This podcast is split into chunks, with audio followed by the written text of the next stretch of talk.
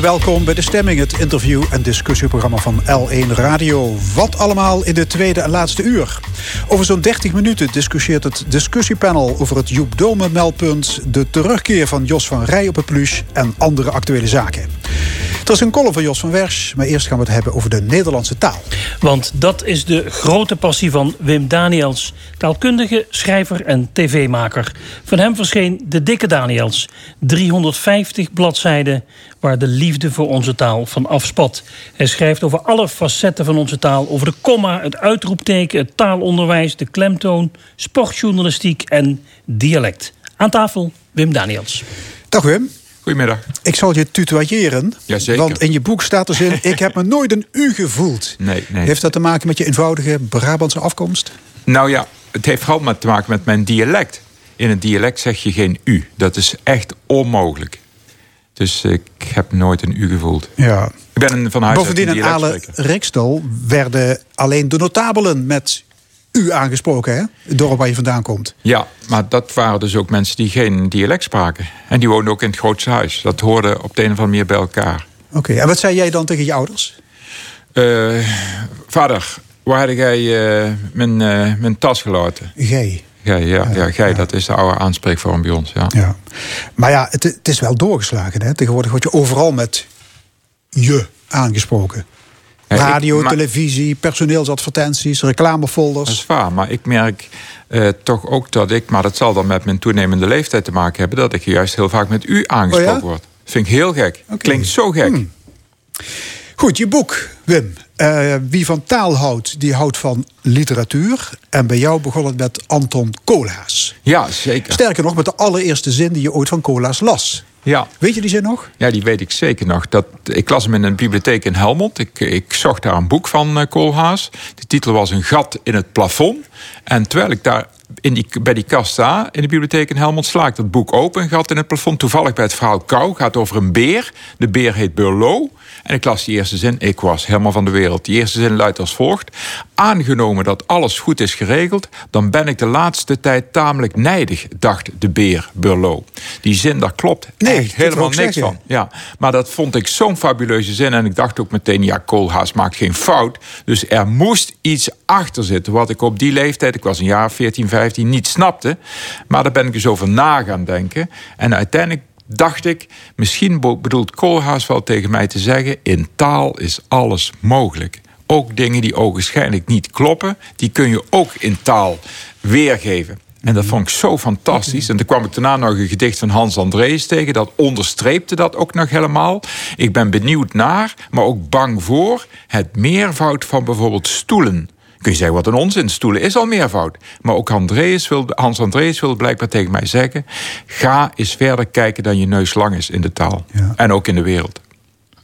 Eh, je, je omschrijft taal in je boek als het gemaskerd bal. Ja, En ja. het is aan de lezer om de betekenis van zinnen en woorden af te pellen. Ja, dat was voor mij ook wel een van de, van de begindingen waardoor ik taal zo aantrekkelijk begon te vinden. Elk woord heeft een masker op, maar dat moest ik wel ontdekken. Je staat er gewoon niet stil, je gebruikt de hele dag door woorden. Maar elk woord komt ergens vandaan. En dat vond ik zo fenomenaal toen ik dat ontdekte. Een heel simpel voorbeeld is: wij zeiden thuis appelen zien. Ehm, en toen zei iemand tegen mij: dat moet een sinaasappel zijn. Maar dat maakt niks uit, want een sinaasappel is een China-appel. Een appeltje uit China. En als ik appelsien zeg, dan zeg ik het via mijn dialect, maar dan zeg ik het in feite via het Frans. Een pom de Chine, een appel de Chine, dat blijft een appeltje uit China. En zo is dat dus met elk woord. Elk woord heeft een masker op. En later ontdekte ik dat dat zelfs een studie is, etymologie. En dat is een Grieks woord met erin de kern etymon. En etymon betekent het werkelijk ware. Dus als je het masker van de taal afhaalt, haalt, dan kom je bij het werkelijk ware uit. En dat geldt zeker voor poëzie. Voor gedichten. Het woord zegt het al, dichten. En de lezer moet het openmaken, ja, toch? ja, mooi, zeker. Ja, ja, ja. Eh, Wim, je had vroeger een taalschriftje. Ja. Een soort taalgroeischrift. Ja. Waarin je bepaalde woorden opschreef. Ja. Heb je dat nog? Nee, dat heb ik helaas niet meer. Maar ik weet nog wel heel goed het moment dat ik dat kocht. Ehm, ik was thuis, dat klinkt een beetje raar, maar ik was thuis hoofd konijnenvoer plukken. Ik moest, ik moest elke dag paardenbloembladeren plukken voor de konijnen. Maar wij kenden dat woord niet, wij zeiden ertschallen. En toen vroeg ik aan mijn vader, wat is dat nou eigenlijk voor een woord? Het woord ertschallen. Waarop mijn vader zei, jongen, dat weet ik niet, pluk ze nou maar gewoon. En, en toen ben ik een schriftje gaan kopen in mijn dorp, bij Maria van Vlerk in de Dorpstraat. En toen dacht ik, nou ga ik elk woord opschrijven waarvan ik wil weten waar dat vandaan komt. En, en ik had al een schriftje natuurlijk, maar daar deed ik onzinnige dingen mee. We waren thuis ongemotoriseerd, maar we gingen toch alvast langs de kant van de weg zitten. En hoorde een hobby bij, nummerborden opschrijven.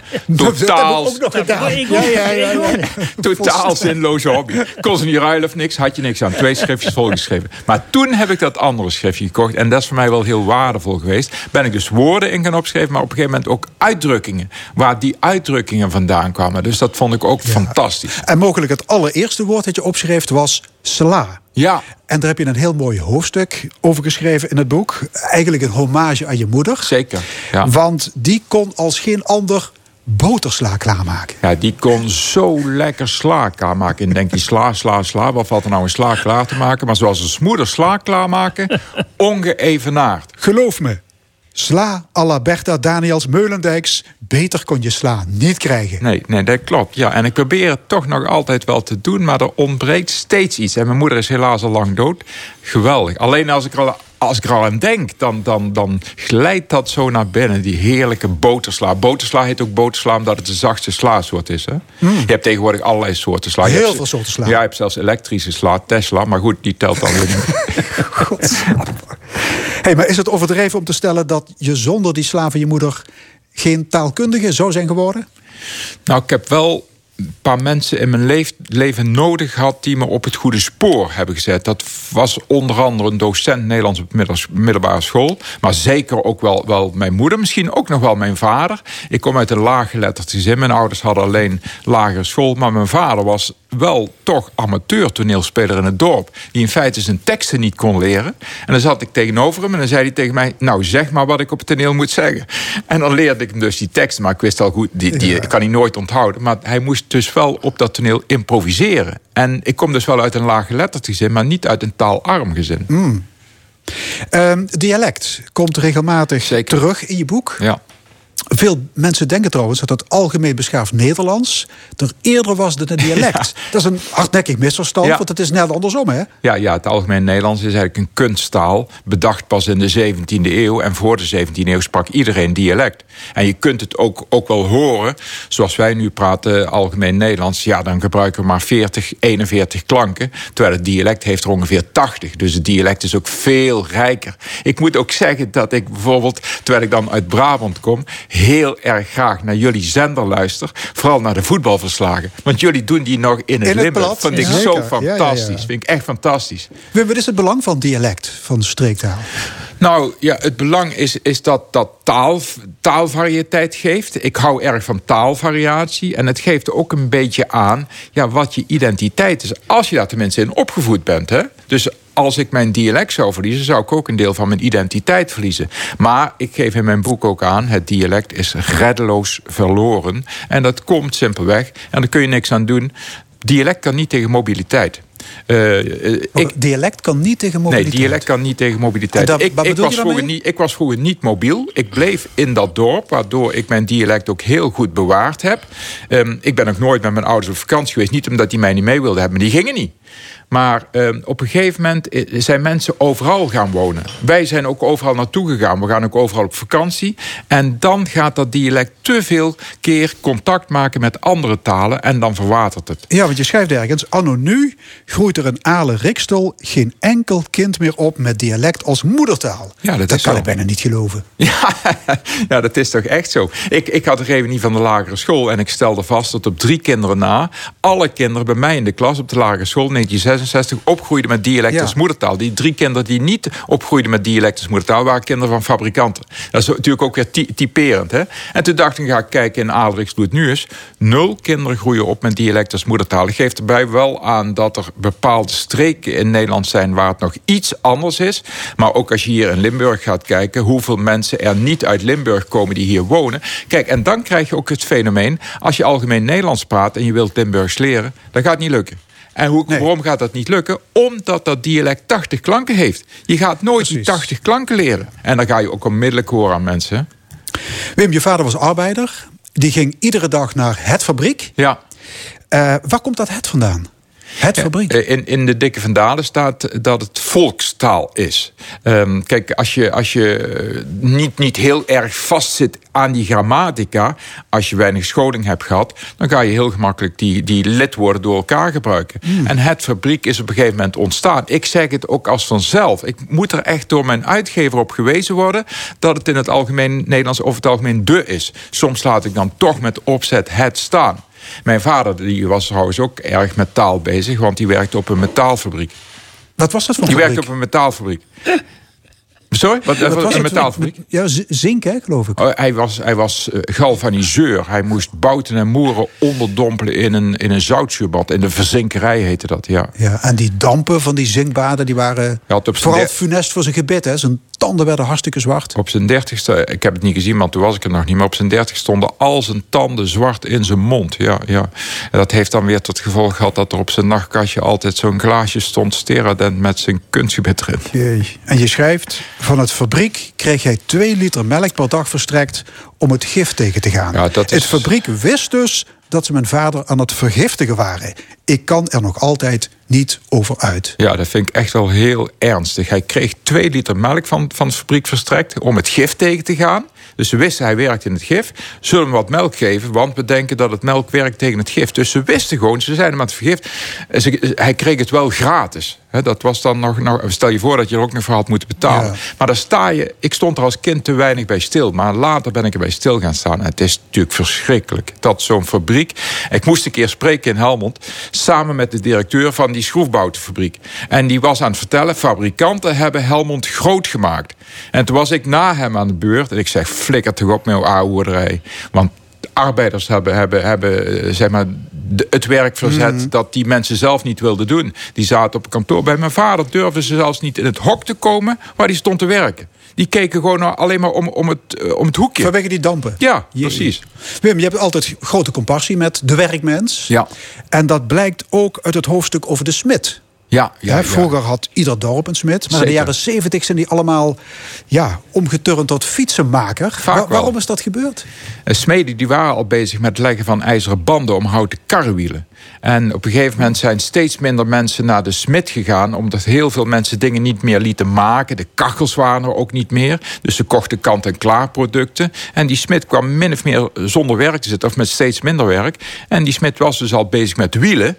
En die is al vanzelf in heel veel dorpen overgegaan... op het hmm. verkoop, van, verkoop en maken van fietsen. Ook bij mij in het dorp. Bij mij in het dorp woonde Adriaan Vriends...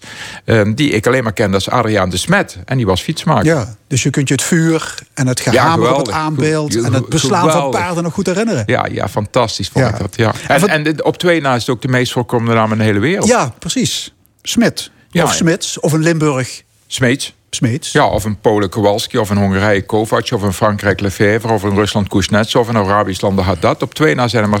ja, ja, is echt het meest voorkomende naam ja, in de wereld. De scheidsrechter bij de wedstrijd Feyenoord uh, AS Roma, die heette Kovac. Ja, dat is Smit. Ja, Smit.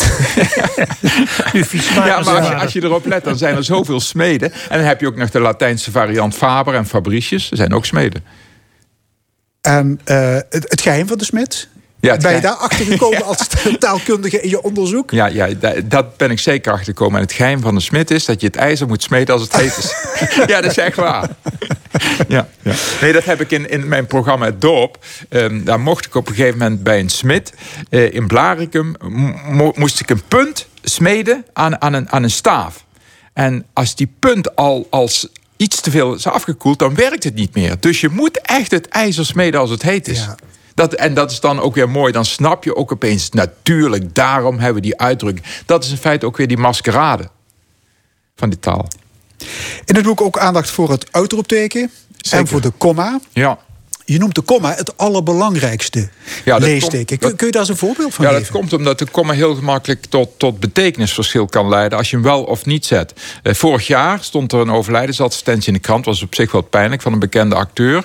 En er waren de mensen die die overlijdensadvertentie hadden gezet... een komma vergeten ehm, in de zin boven de overlijdensadvertentie. Er had eigenlijk moeten staan... hij is niet meer, komma, onze grote vriend. Maar ze waren de komma vergeten. Nu stond er, hij is niet meer onze grote vriend. Ben je dood en is het afgelopen. Ja? Dus dat is toch, toch jammer, hè? Bekend iemand ook nog? Je was een bekend team, ik zal zijn naam verder niet noemen. Maar denk ook aan, de zin stop, komma, niet schieten. Of stop, niet, komma, schieten. Ja, dat kan veel schelen. Ja, dat kun je wel zeggen. Ja. En de klemtoon verkeerd leggen, kan dat ook tot grote misverstanden leiden? Ja, dat, dat kan eh, zeker. Eh, dat heb ik dan weer eh, geleerd ook um, op die klemtoon te letten door een docent Duits op de middelbare school. Die begon elke les met de mop. Stonden twee mensen stonden in een huiskamer. En toen zei die man tegen die vrouw... waar die hondjes daar buiten aan toen zijn... want ze zagen twee hondjes. Het ene hondje was het andere hondje aan het dekken. Waar die hondjes daar aan toen zijn, dat is nou leedvermaak. Och, zei die vrouw, je hebt geen verstand, je weet niet wat leedvermaak is. Jawel, zei die man, maar die hondjes staan toen zijn. Het ene hondje is het andere hondje en dek is leedvermaak. Och, zei die vrouw, was dan leedvermaak volgens jou? En zei die man, nou, leedvermaak is toch plezier hebben in de achteruitgang van een ander. Ja, en dan moet je over nadenken, want je hebt de achteruitgang en de achteruitgang. Ja, dus dat soort dingen, ja. ja. En die, die huisarts, die buitenlandse huisarts, die tegen de patiënt zei ik geef u iets mee om goed in te kunnen slapen. Maar hij legde de klemtoon op slapen. Ja, ja, het was een buitenlandse arts en die zei tegen de patiënt... dan zal ik aan het einde van de consult dan zal ik u iets meegeven... om goed in te kunnen slapen. Waarop die patiënt zei, denk je dat ik thuis geen bed heb? ja, en onze EU-commissaris Frans Timmermans... die zegt niet Mali, ja. maar die zegt Mali. Die zegt op zijn Frans. Ja, Is dat correct of is dat snoebistisch? Nou ja, Frans, allebei? Frans die spreekt heel erg goed zijn vreemde taal. En Frans heeft ook Frans gestudeerd. Hij heeft ook Frans gestudeerd. En de Fransen leggen de klemtoon bijna altijd op de laatste lettergreep. En Frans is zo doordrenkt van het Frans dat hij dat als vanzelf ook doet. Die zegt dus geen Mali, maar zegt Mali. Ja, en misschien bij de Chinezen ook nog wel bami. Als hij, uh... die bestelt bami. en die doet magie in magie soep. de soep. ja. We hadden trouwens een non-binaire non gast hè, eerder in de uitzending. Zeker, ja. Uh, hen als aanspreektitel. Ja. Uh, dat was de voorkeur van de gast. Ja. Vind je dat een goed woord? Nu we het toch over taal hebben? Ik vind het sowieso goed dat ze, dat ze zich kunnen onderscheiden. Dus ook met een ander woord. Want ik ben het daar heel erg mee eens. Vond het ook een, een, echt een mooi gesprek ook. Um, ik denk alleen dat het woordje hen een beetje ongelukkig is. Omdat we hen in onze taal al zoveel gebruiken. Ik heb zelf in mijn boek stel ik een ander woord voor zij.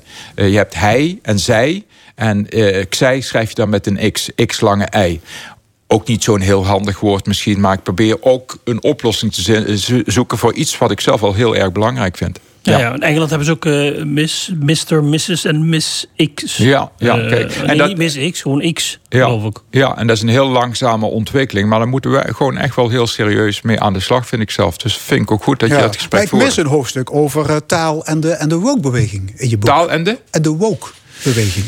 Het is tegenwoordig wit in plaats van blank. Ja tot slaaf gemaakt in plaats van slaaf.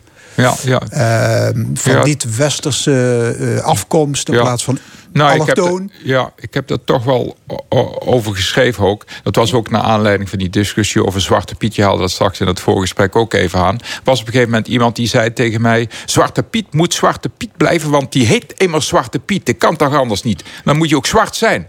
En toen zei ik, ja, maar je hebt ook groenten. En dat is afgeleid van het woordje groen. Maar je hebt ook rode groenten, dus het kan best. Ja, dus, dus daar moeten we toch echt veel ruimhartiger over na gaan denken. Dus ja, ja maar je bent er niet bewust uit de weg gegaan vanwege de gevoeligheid? Nee, helemaal niet. Nee, nee, nee, nee, want ik ga ook bijvoorbeeld wel in een hoofdstuk over de schandalige Twitterberichten die mensen uh, de wereld in sturen, waarmee ze mensen zo ontzettend kwetsen. Dat is echt mm. schandalig zoals sommige mensen dat doen. Ik zit zelf ook wel op Twitter, ik twitter zelf ook veel.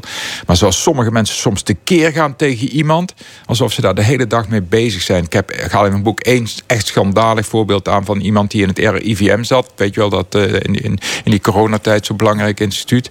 En die kreeg een mailtje, daar lusten de honden werkelijk geen brood van. Maar ja, wat doe je er tegen, hè?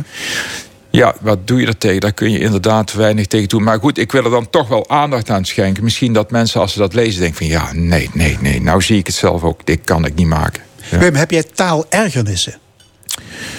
Uitingen in de media, kranten, radio, televisie... waar je gruwelijk aan ergert. Nee, maar ik krijg wel echt elke dag mailtjes van mensen die die wel hebben. En dat vind ik wel mooi.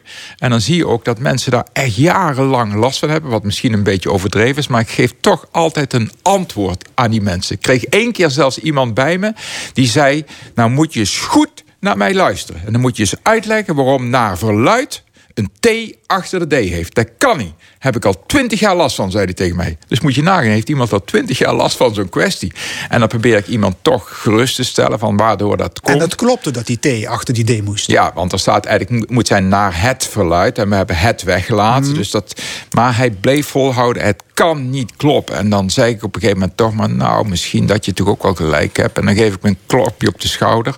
Want ik wil mensen ook wel een... Uh, zeg maar, niet, niet nog twintig jaar lang een ergernis uh, meegeven. Oké, Wim Daniels, hartelijk dank. De dikke Daniels is verschenen bij uitgeverij Alphabet. En vanavond bij op de televisie met Het Dorp... samen met Huub Stapel... NPO 1, tien voor half tien. Welk dorp bezoek je? Wij, eh, wij, zijn in drie dorpen. Grollo, Vorstenbos en Zundert. Vorstenbos moet je speciaal opletten, want dan ga ik zelfs zingen. Ik ga koeien melken en zingen, terwijl ik niet kan zingen. Ik was vroeger op de lagere school zo iemand die mocht wel zijn mond bewegen, maar geen geluid maken. Gaan we doen. Dankjewel. Je luistert naar de stemming van L1 Radio. Zo dadelijk de column, gevolgd door het eh, discussiepanel. Maar eerst de muziek. Wim Daniels vindt uh, Leonard Nijg de allergrootste liedtekstschrijver. Toch, Wim? Ja? Zeker. Ja, en die, heeft, uh, die ons land ooit gekend heeft. En uh, dat staat namelijk in je boek ook. Ja. En Nijg maakte ook de tekst van Het Land van Maas en Waal. Boudewijn de Groot. Onder de groene hemel, in de blauwe zon Speelt het blik een harmonieorkest in een grote regenton. Daar trekt over de heuvels en door het grote bos De lange stoet de bergen in van het circus Jeroen Bos. En we praten en we zingen en we lachen allemaal Want daar achter de hoge bergen ligt het land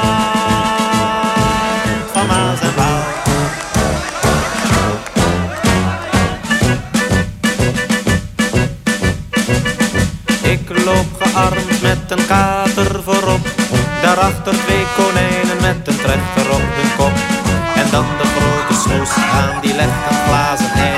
Wanneer je het schudt dan sneeuwt het op de Egmondse abdij. Ik reik een meisje mijn koperen hand. Dan komen er twee moren met hun slepen in de hand. Dan blaast er de fanfare ter ere van de schaar die trouwt met de vingerhoed, ze houden van elkaar.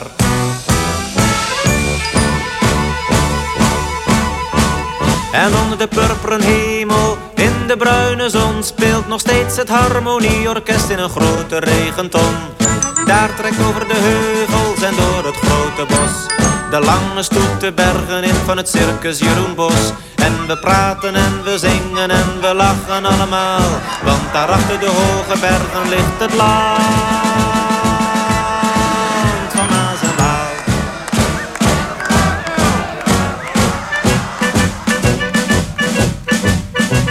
We zijn aan de koning van Spanje ontsnapt.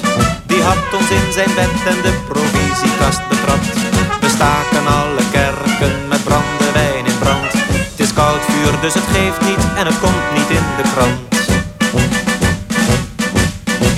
Het leed is geleden, de horizon schijnt. Wanneer de doden dronken zijn en bierlala verdwijnt.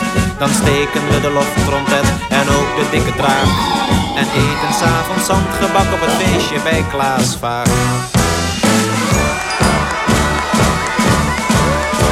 En onder de gouden hemel, in de zilveren zon, speelt altijd het harmonieorkest in een grote regenton. Daar trekt over de heuvels en door het grote bos. De stoet voorgoed de bergen in van het circus Jeroen Bos. En we praten en we zingen en we lachen. Het lachen.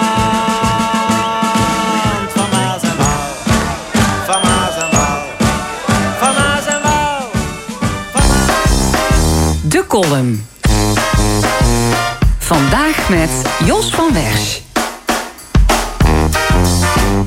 Eén alinea klopt er alvast niet in de Vriendenreunie. Het deze maand verschenen boek van Joep Dome en Paul van der Steen. De kapitale villa van Jos van Rij in de Roermondse wijk Herten staat namelijk niet te koop. Ze is al verkocht. Ik las het gisteren op de website van de bekendste Roermondse makelaar. Voor hoeveel staat er niet bij, maar de vraagprijs was 1,9 miljoen euro. Kost de koper. Maar dan heb je ook wat. Zes jaar geleden zat ik, oneerbiedig gezegd, aan de keukentafel van die villa. Ik kreeg een broodje kaas geserveerd, dronk koffie en hoefde verder niets te doen dan te luisteren. Luisteren naar zijn verhaal en naar zijn waarheid. Drie uur later zwaaide hij me uit en bedankte me voor mijn luisterend oor, want ik had slechts ja en amen geknikt. Eén naam was opmerkelijk vaak gevallen. Die van Bjorn Oostra, de hoofdredacteur van de Limburger. Die Oostra, ik hoor het van Rij nog zeggen, zou een zeer gemeen mens zijn. Oostra ziet dat heel anders, las ik gisteren in zijn krant. Citaat, als Jos van Rij met zijn benoeming tot wethouder in het belang van zijn leefremun een strip onder het verleden kan zetten, wil ik zelfs met hem een kopje koffie of een visje op de markt eten of drinken. Dat riekt, als u het mij vraagt, naar journalistieke hoogmoed richting een gebrandmerkte 77-jarige vechtjas die zich als een veroordeelde politieke paria door het leven sleepte in de hoop nog ooit een comeback te mogen maken. Aan zich is het natuurlijk van de gekke dat hij op deze leeftijd opnieuw in de arena verschijnt om zijn in deplorabele staat verkerende leefremun uit de molen te trekken.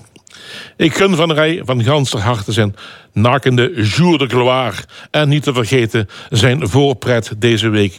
Toen het CDA om vijf voor twaalf vakkundig de woestenij in werd gestuurd. Ik kijk rijk haalt het uit naar het moment dat burgemeester Rian Donders hem knarsetandend tot wethouder moet installeren, waarna op niet al te lange termijn in functie elders voor haar de beste oplossing zal blijken te zijn. Van Rij heeft van alles en nog wat uitgespookt en is daarvoor veroordeeld. Maar hij heeft, in tegenstelling tot de afdeling Ons kent ons van de Vriendenrepubliek, nooit voor zichzelf gezaaid.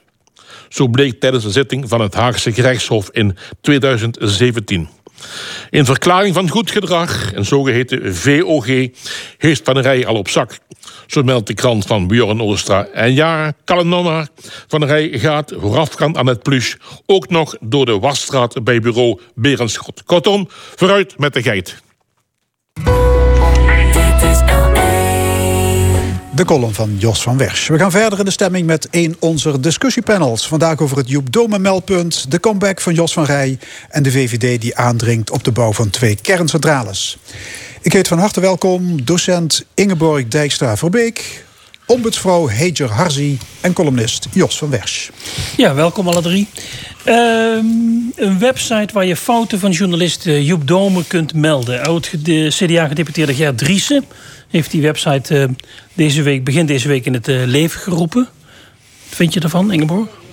Ik ben, ja, ik ben daar geen voorstander van. Ik vind het, uh, als iemand iets zou beweren wat onwaar is, dan kun je dat op een heel andere manier oplossen. Ik vind dit uitlokken tot een soort, mogelijk, hè, tot een hetze misschien. Hè, ik weet het niet. Ik vind dat heel erg op de man gespeeld. Ik denk van nee, ik ben daar geen voorstander van. Vrijheid van meningsuiting, oké. maar niet een meldpunt speciaal voor Joep Domen. Nee, ben ik niet, vind ik niet oké. Ja, mee eens. Um is, is niet handig, is niet leuk, absoluut niet leuk.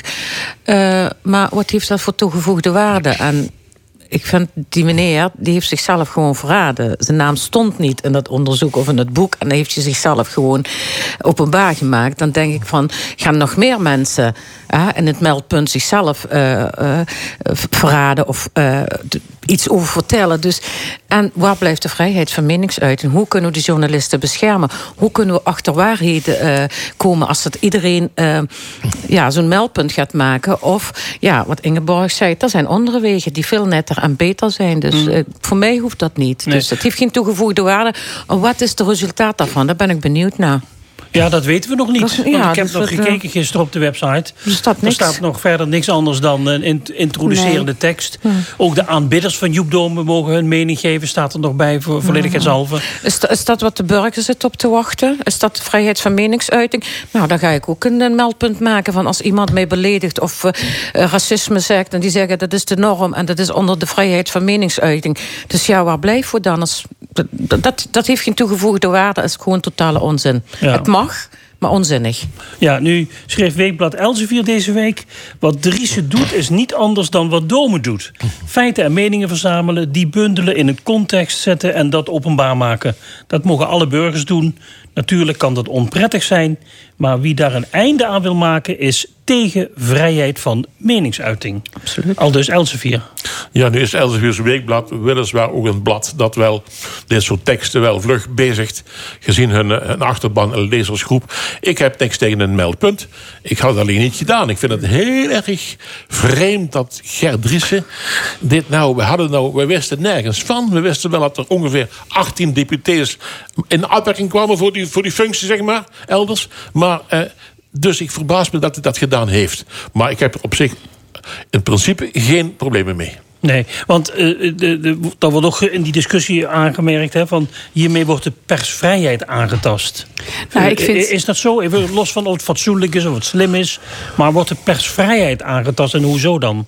Nou, ik vind op zich wel dat... ik vind dat journalisten de laatste tijd het zwaar te verduren hebben gehad. Ik vind dat we in deze tijd juist eerder op moeten komen... voor de journalistiek en de vrije uh, journalistiek. En laten we zeggen, als er dan een meldpunt zou moeten komen... laat het dan een algemeen meldpunt zijn van... Hey, maar ik, ik ben geen jurist, maar zo van hier worden onwaarden uh, verteld. Maar dan denk ik van daar is een andere weg voor. Ik denk zeker van vrijheid van meningsuiting, ja. Maar door te zeggen, ik ben geen voorstander van een meldpunt voor Joep Domen specifiek... ben ik niet tegen vrijheid van meningsuiting. Daar ben ik het uh, echt pertinent mee oneens. En ik denk dat, dat we gewoon moeten zeggen van ja, journalisten mogen schrijven wat ze willen.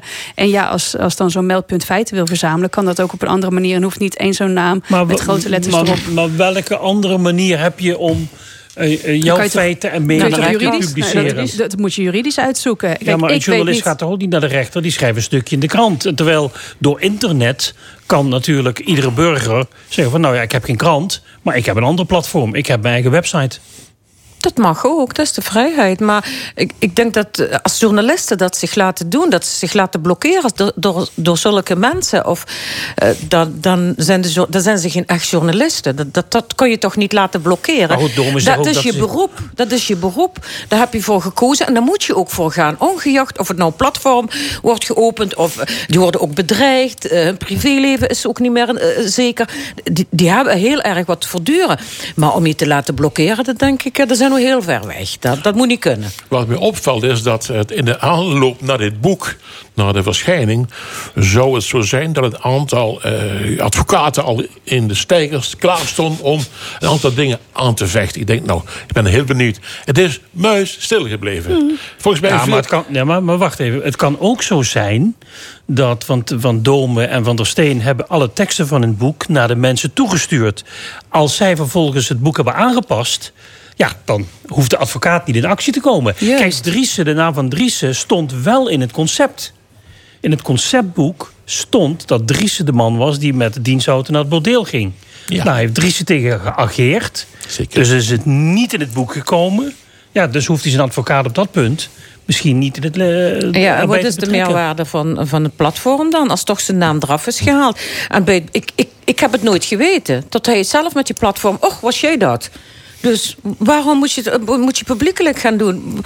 Nogmaals, wat heeft dat voor meerwaarde? Het is oké, okay, doe maar een platform. Ja, ja, wat is de maar, meerwaarde om te zeggen wat je niet gedaan hebt? Ja, dus wat, wat, wat is dat? Daar ben ik benieuwd naar Driessen toe. Dus, uh... Heeft iemand een idee wat de meerwaarde daarvan zou kunnen zijn? Ja, hij, wil toch, uh, hij zei dus uh, dat het ook ging om de overleden gedeputeerde te beschermen. Dat vond ik wel ontzettend. Dat is wel altruïstisch, hè? Heel goed van, uh, van Ger. Had ik niet gedacht dat je daar nog weer Maar is het trouwens een politieke doodzonde als je als gedeputeerde met de dienstauto naar een bordeel gaat? Ja, in, in bedrijfstijd wel, denk ik, hè, Fons. Was er een bedrijfstijd? Ja, ja als je met de dienstwagen met een stuur... Hij was op weg naar huis, volgens mij. Zeker, maar ja, dan kun je... Maar, maar je mag wel een boodschap doen bij Albert Heijn, maar bordeel is Ja, kennelijk... ik ken de regels niet zo, hoe dat zit in het bestuurlijke uh, gremium. Maar het lijkt mij niet handig. Hè? Maar Gert Koopmans ging misschien met, met, zijn, met zijn dienstauto naar zijn, uh, naar zijn vriend in Heerlen. Ja, dat wat was is, wel... Wat, wat is het verschil? Wat is het principiële wel, verschil? Hij had wel toen Behalve kunt gevraagd of dat mocht. Hè? Staat in het boek ook. Hè? Mag ik in plaats van naar uh, Noord-Limburg te rijden... nu een maand of zes, want heel, zo lang heeft het geduurd... naar Heerlen rijden. En dan zei Bowens, dat mag jij. En zo is het gegaan. Het zijn verhalen, jongens, waar we over bezig zijn, hè? Ja, heb je trouwens het boek gelezen? Nee, nog niet. Nee, nog niet. Ingeborg? Ja, nu je wordt het interessant. Nu wil ik hem wel gaan lezen. Ja, serieus. Ik Nu wil het ik hem echt gaan gespeeld. Ik heb lezen. het gespeeld. En het mooiste is ook vooral de reacties van de, van de mensen die dus worden aangeklaagd. Dus aangestekend. Ze zeggen allemaal, ik herken mij hier niet in. De een naar de andere. Dus ik vind het zeer aanbevinnenswaardig om het toch maar een keer met de... Ik ga hem echt Ja. lezen. Maar Jos, je bent dus voorstander van zo'n meldpunt. Heb ik Ja, dat, dat heb ik goed begrepen. ja, ik vind maar dat- de- ik heb er geen dat probleem. terwijl de journalisten al enorm onder vuur liggen de laatste tijd. Die worden bedreigd. De NOS moet de logo's van de wakens Ja, afhalen. ja, Eh, Wilders twittert overtuigd van de richel. En dan zoiets. Nu moet ik je zeggen dat ik het een mijlpunt van Gert Wat minder erg vind dan een mijlpunt van pakweg iemand die nog gezaghebbend is in het Limburgse land, zou ik zeggen. We hebben het hier over een gedeputeerde die op leeftijd is, ex-gedeputeerde, ex- een man in, in rust, gepensioneerd. Ik vind het, het, ik vind het niet handig, zeg ik, maar als Joep en Paul en Steen mogen schrijven wat zij willen in een boek, dan geeft dan zo'n man ook een podium dat hij ook zijn ei kwijt kan. Dus een Jos van Wegs meldpunt, dat mag er ook komen. Maar jongen, geen enkel probleem. Laat komen. Nou, over Jos gesproken. Ja, Jos van Rij, die wordt opnieuw wethouder in Roermond. Eh, de afgelopen jaren werd zijn liberale volkspartij door alle fracties geboycott. Maar door de grote overwinning bij de laatste verkiezingen, de derde op rij, is dat niet langer vol te houden. Wat vinden jullie van de comeback van de 77-jarige Jos van Rij als wethouder? Heijer Harzi. Ja, ik- Oud-raadslid, by the way. Oud-raadslid, inderdaad, van GroenLinks. Ja. In En Groen-. En GroenLinks gaat met Jos van Rij een roman samen met Partij van de Arbeid in één coalitie. Dat was erger, mijn, eh, mijn, eh, mijn zorgen, dan als Jos van Rij teruggaat. Jos van Rij is tien jaar geleden veroordeeld. Terecht of onterecht, ja, de rechter heeft Nou, gesproken. tien jaar geleden begon het, maar drie jaar geleden is gewoon viel het eh, finale veroordeeld. vonnis. Ja. Vijf jaar Twee jaar, ja. Vijf jaar. Vijf jaar. Ja. Dus twee jaar. Bij Hoge eh, Raad drie jaar. Hoge Raad drie jaar. 17, eh, ja, ja, Ja. goed. Dus vanaf 2012 is het bezig, tot 2022 Ja. is 20 jaar. Dat hij terugkomt, oké, van allerlei fouten gedaan. Iedere mens verdient een tweede kans. Met 77 dat hij dan een wethouder moet worden... is ook een hele lange en grote vraagteken erbij. Zijn er geen jongeren? Heeft de partij niet beter dan Jos van Rij? Hij heeft heel veel betekend eh, eh, voor Roermond. Of hij het weer de energie en de kracht heeft als toen... om iets te betekenen voor Roermond, dat vraag ik me ook af. Dan denk ik, jongen, je hebt zoveel meegemaakt. Je komt terug. Ah, eh, Jos heeft daarover gehad. Hij heeft niet zo'n goede verbinding met, met de burgemeester. Ik maak me meer zorgen aan de toekomst van Roermond... met zo'n coalitie, met zo'n bestuur... dan Jos van Rij terugkomt of komt niet terug. Ingeborg Dijkstra. Ja, hetzelfde denk ik. Hè. Ik denk dat eh, als je kijkt naar de kiezers hebben gesproken... Ze, twee keer is het gelukt om hem buiten de, eh, de positie te houden. Nu de derde keer is het raak. Ik denk als je kijkt puur democratisch gezien... hebben we absoluut niets te vinden. Als die VOG inderdaad binnen is... Ja, dan, dan, dan kun je daar eigenlijk niks op tegen hebben. Verklaring maar, onbekend gedrag Ja, verklaring die onbekend- VOG. ja, precies. Ja. Ja. Ehm, dus dat is dan puur zakelijk en, en feitelijk. Ja, gevoelsmatig denk je wel van inderdaad... waarom zou iemand van 77... want wethouder is niet een baantje wat je er even erbij doet. Dit is intensief. Ehm, ik, ik ben ook heel benieuwd hoe de samenwerking zal gaan. Ik weet ook niet of het de hele regeringsperiode eh, volgehouden wordt. Juist vanwege die samenwerking die Maar ingewikkeld we zal doen hier toch zijn. niet aan leeftijdsdiscriminatie? Nee, nee, nee. ik gun het Nee, hem. nee, Ik gun het hem. Kracht, Ik gun het hem. En, Eh, en Van Rij interesseert al helemaal niks. Nee, Ik bedoel, daarom. hij vindt Dus dat dan hem groot ik van, onrecht, ja. groot Nou, onrecht is Hij heeft, aangedaan. hij heeft zoveel jaren opgespaard. Ja, ik- hij ja. zegt, hij zegt Ik ik ben de eerste. Nederlander die is veroordeeld wegens vriendschap. vriendschap, Dat, ja. zeg, dat zegt Nou ja, hij ik, steeds. ik denk als je puur kijkt van la- laten we zien hoe het gaat. Ik ben er niet gerust op, maar ik, kan, ik heb daar persoonlijk voor de rest niks op tegen. Maar vriendschap heeft grenzen. En als je weet, door vriendschap met X of Y... dat je dan een schijn van belangenverstrengeling op of iets kan komen... dan je, neem je een stapje terug. En dat heeft Van Rij niet gedaan. En dat neem ik hem Ja, dat was kwalijk. zijn perceptie. De rechter Ja. heeft ook gezegd dat was meer dan vriendschap. Dus er Ja. is je voor de bladen moeten, bladen moeten gaan zitten. Ja, en de hele daarom. tijd. Ja, hij is vero- veroordeeld eh, tot alles- een voorwaardelijke celstraf van 12 alles- maanden voor corruptie, stembusfraude en schending van het ambtsgeheim. En ook mocht hij twee jaar geen bestuurlijk ambt Functie. bekleden. Zouden jullie na zo'n vonnis opnieuw terugkeren als Absoluut bestuurder? niet. Nee, absoluut niet. Nee. Ja, en als heeft niks met wel, ja, zeker. Als ik zoveel aan mijn, aan mijn kop heb gekregen... of en een, een Ja. stronker heb gezeten en gekregen over me heen. En ik heb zoveel... Ik ben de derde keer weer als partij zo gegroeid. Je moet het niet zien als... Jos komt nu terug op voor ons lever in Munter. Hè. Jos komt terug om te liggen. En dit is een ultieme wraak. En dan Maar is dat nou een goede drijfveer om bestuurder te zijn het van een gemeente? Ja, Nee, daar, gaat geen- het wel om natuurlijk. Dat is geen goede drijfveer. Om de, dat gaat het wel. om. Het gaat Jos niet zozeer, ik ga nu Remond redden. Nee, maar hij heeft natuurlijk tien jaar gezeten op de blaren. Nee, maar dat, persoonlijk snap ik het heel ja, goed. daarom daar heb ik het nu even over. En ik zou, als ik dat zou meegemaakt hebben, en ik ken mezelf, had ik dat ook gedaan. Ik denk, het verdomme, dat zullen ze toch weten in mijn dorp waar ik nu woon. Alsjeblieft. Dus in die context moet je die comeback, die nog niet rond is, want hij moet nog. Precies. Hij heeft weliswaar een, een, een, een verklaring van goed gedrag. Maar zoals bekend is 90% van de gemeentes moet eerst via bureau Berenschot worden doorgelicht door de integriteitsmolen. Dus die loopt nog. En als dat ook 100% is, dan staat niks in de weg om dit moment te gaan beleven. Maar hoe moet dat straks in het college van BMW? Tussen wethouder Jos van Rij en burgemeester Ja. Rianne Donders. Ja, Je had dat het er al over, ja. Heetje. Ja. En het Dat zijn bepaald geen vrienden. Hè? Ze zijn geen vrienden. Donders heeft een open niet. brief Ja. opgesteld... waarin ze melding maakt van de onveilige bestuurscultuur in ja. En iedereen weet wie ze daarmee En dat bedoelt. is wat Jos zegt. Ja. Hij heeft tien jaar in de, op de blaren gestaan. En nu is le, le moment suprême. Hij, hij gaat nu terug. Arme burgemeester. En als Van Echt Rij, waar. van vier jaar gezond blijft, hè, wat ik hem van harte gun, dan gaat hij niet weg. Dat bedoel ik. Nee. Wat heb je dan in Roermond? Wat, heeft, wat hebben de inwoners van Roermond daaraan? Wat hebben de andere partijen daaraan? Zijn we vergeten wat Van Rij met CDA te maken heeft gehad? Dat- Ik Maar denk zou- dat CDA kijk, het nog niet vergeten is. Wat jullie allemaal zeggen, zou hij Ja. zichzelf dat ook niet realiseren? Of zit hij qua karakter zo in elkaar dat het kan wat hem niet worstel zijn? persoon- ik Want, kan want je kunt niet- ook zeggen van... Hij kan natuurlijk, eh, hij, hij zit er vanuit wrok... maar kan ook denken van, nou, en nu laat ik ook eens zien... dat, het anders, anders- kan. Ik Zo zou ik er gaan zitten. Ja, Want jij ja. zei dat net eh, van op die vraag. Ik zou ook teruggekomen zijn na alles. Als ik, als ik eh, gediend had, mijn straf had gekregen, was ik ook teruggekomen. Om- Maar al was het maar misschien van een veel idealer, eh, idealistischer beeld. Maar dat ik denk, nou, er is zoveel gezegd. Ik heb energie. Laat ik zien wat ik wel waard kan zijn. Ik, is me- misschien mega naïef en mega idealistisch, maar ik zou ook terugkomen. Kijk, en eens leven kijken. heeft er- is een En- groot onrecht aangedaan. en kijk maar Ja, naar de stemmen die zijn partij heeft Ja, gekregen. elf, ik bedoel, elf ik vind, zetels ik hebben ze. vind- de dus tweede partij denk heeft ik er, van- heeft er vijf. dat Dus is- dit is democratie. Nou, de, ik, de kiezer wil dit. dit vind ik democratie in Ja, optima maar- forma. en dan sorry. denk ik van ja, gestraft. En ik geloof ook dat iemand een tweede, derde kans moet krijgen. De, ik, ingewikkeld misschien, maar de kiezer vind- heeft niet gekozen voor een wethouder. Kom op, jongens. die de wel partij gewoon- kiest daarvoor. Ah, hij heeft ook persoonlijk wet- ook heel veel stemmen gekregen. Ja, Ja, maar als persoon, als, als, ik, als ik Jos Verrij op dat moment, 77 jaar... en oké, ik, heb, eh, ik heb gewonnen, ik kom terug, prima. En dan zeg ik, dank jullie wel.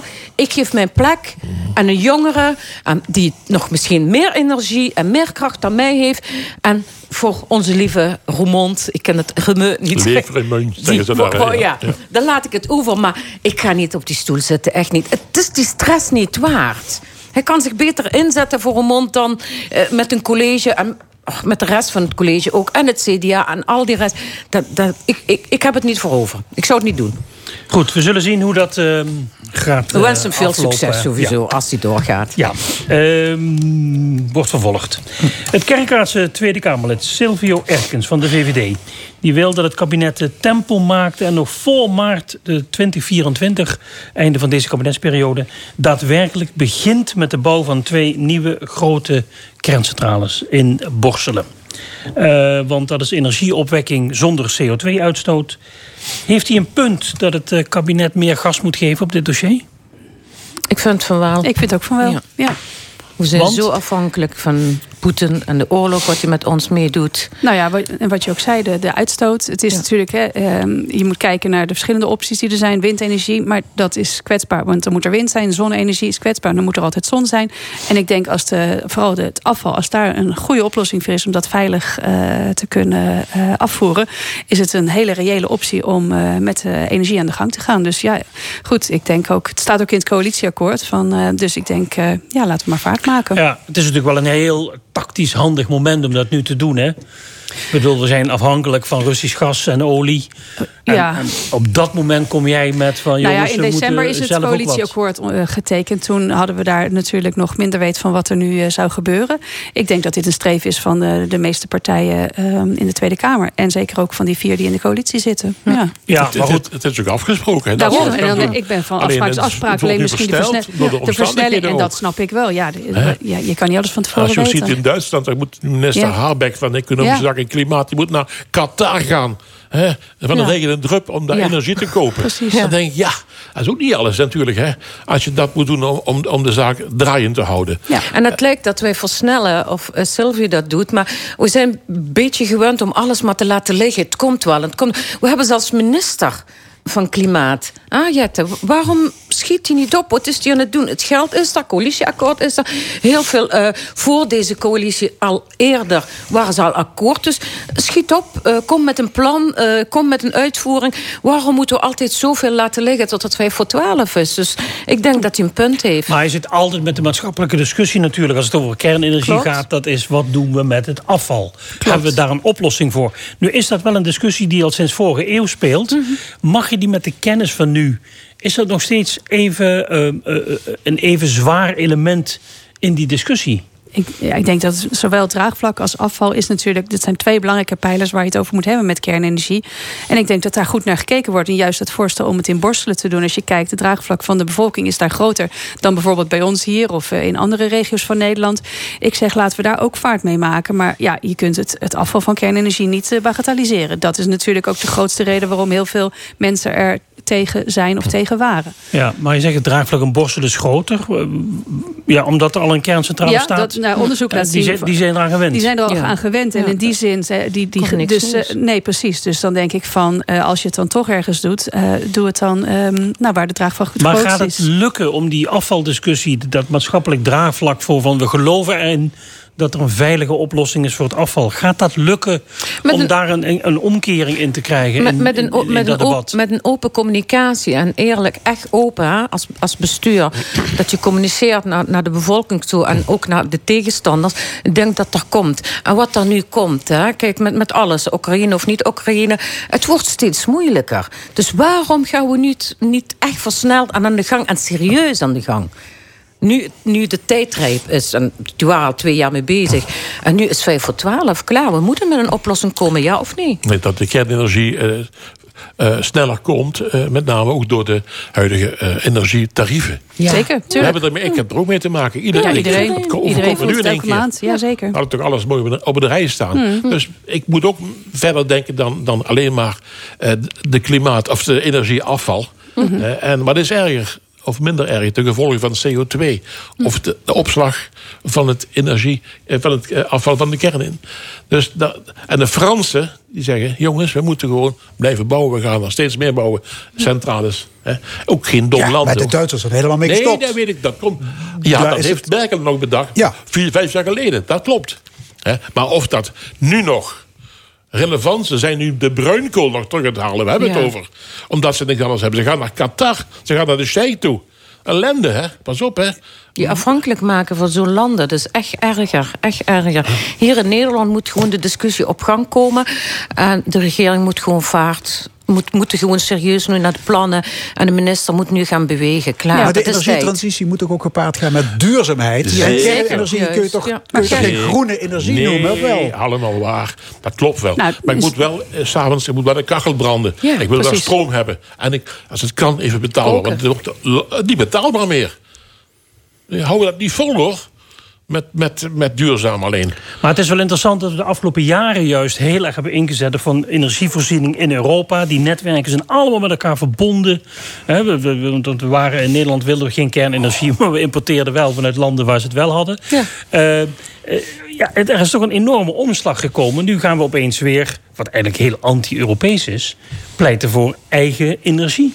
Minder Ja, afhankelijk worden. Maar dat is een beetje... Dat zijn wel een beetje eh, nou ja, maar dat is ook bergje wat, op, bergje af. wat Jos zei, of om de woorden van Wim van de Net te gebruiken. Wim Daniels, die zei, we moeten het ijzer smeden als het heet is. Nou, nu is dus het ijzer heet in die zin van de gasprijzen gaan omhoog. We hebben een eh, afkeer gekregen tegen Russisch gas. En eh, terecht, zullen we maar zeggen. Dan moeten we ook nu even doorpakken. Ik denk dat het, eh, ja, je moet het doen met de kennis van nu. En nu is het echt tijd rijp om eh, zelf eh, meer energie op te wekken. En we willen onafhankelijk zijn. Precies. En dat, Ja. ja.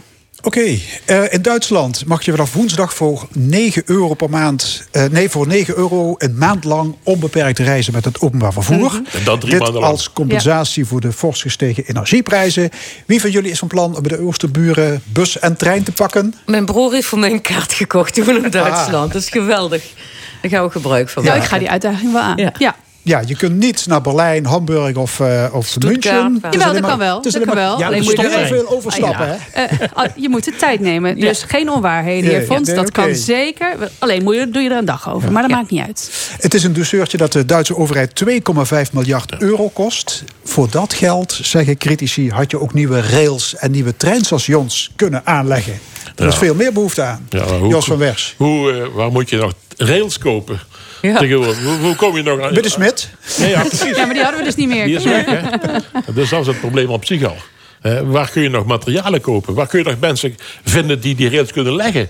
Eh, we hebben nu, nu eh, zitten we met het probleem van mobiliteit. En alles wat op termijn zou kunnen, fantastisch. Oh, maar nou snap ik niet. die Maaslijn zo lang op zich laat wachten. Bijvoorbeeld. Eh, de nee, maar dat kan het probleem toch niet zijn? ja, zeker is dat het probleem. We kunnen, je kunt toch niet zomaar even wat een station aan- aanleggen gaan. Of een of rails gaan bijleggen. Los van niet? je locomotiefs nodig.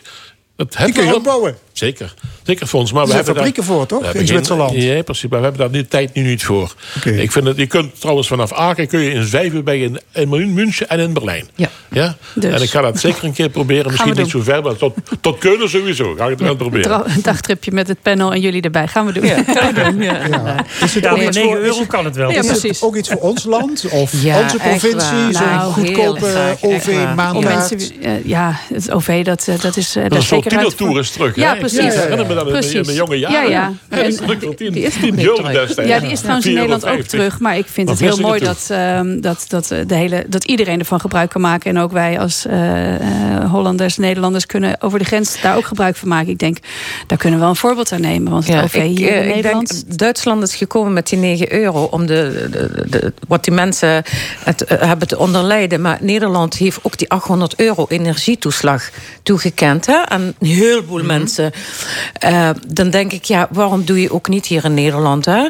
Voedselbanken die zijn, ik weet niet hoeveel, en eh, speelgoedbanken, noem maar op. Waarom niet 9 euro? De vakantie komt eraan voor de kindjes. Dan kunnen de ouders een eigen land. En dan hotels of zoiets ook met zoiets komen. Hotelbanken. Dat die ook die aardige gezinnen... pra- het niet- praktisch armoedebeleid. Ja, armoedebeleid. Dat die mensen ook met die 9 euro door heel Nederland kunnen reizen. En een paar dagjes vakantie. Het zou ideaal zijn, echt. Ja, want het OV is hier echt heel duur. Ja, dat is heel Oké, hartelijk dank discussiepanel Ingeborg Dijkstra, Heetje Harzi en Jos van Wersch. Dit was eh, de stemming. Vandaag gemaakt door Edwin Maas, Fons Gerards en Leo Hoube. Graag tot volgende week zondag om 11 uur. Dit programma wordt herhaald maandagavond om 8 uur. En is ook te beluisteren via onze website l1.nl en via podcast. Zometeen op deze zender L1 Sport Co. Ik wens u nog een mooie zondag.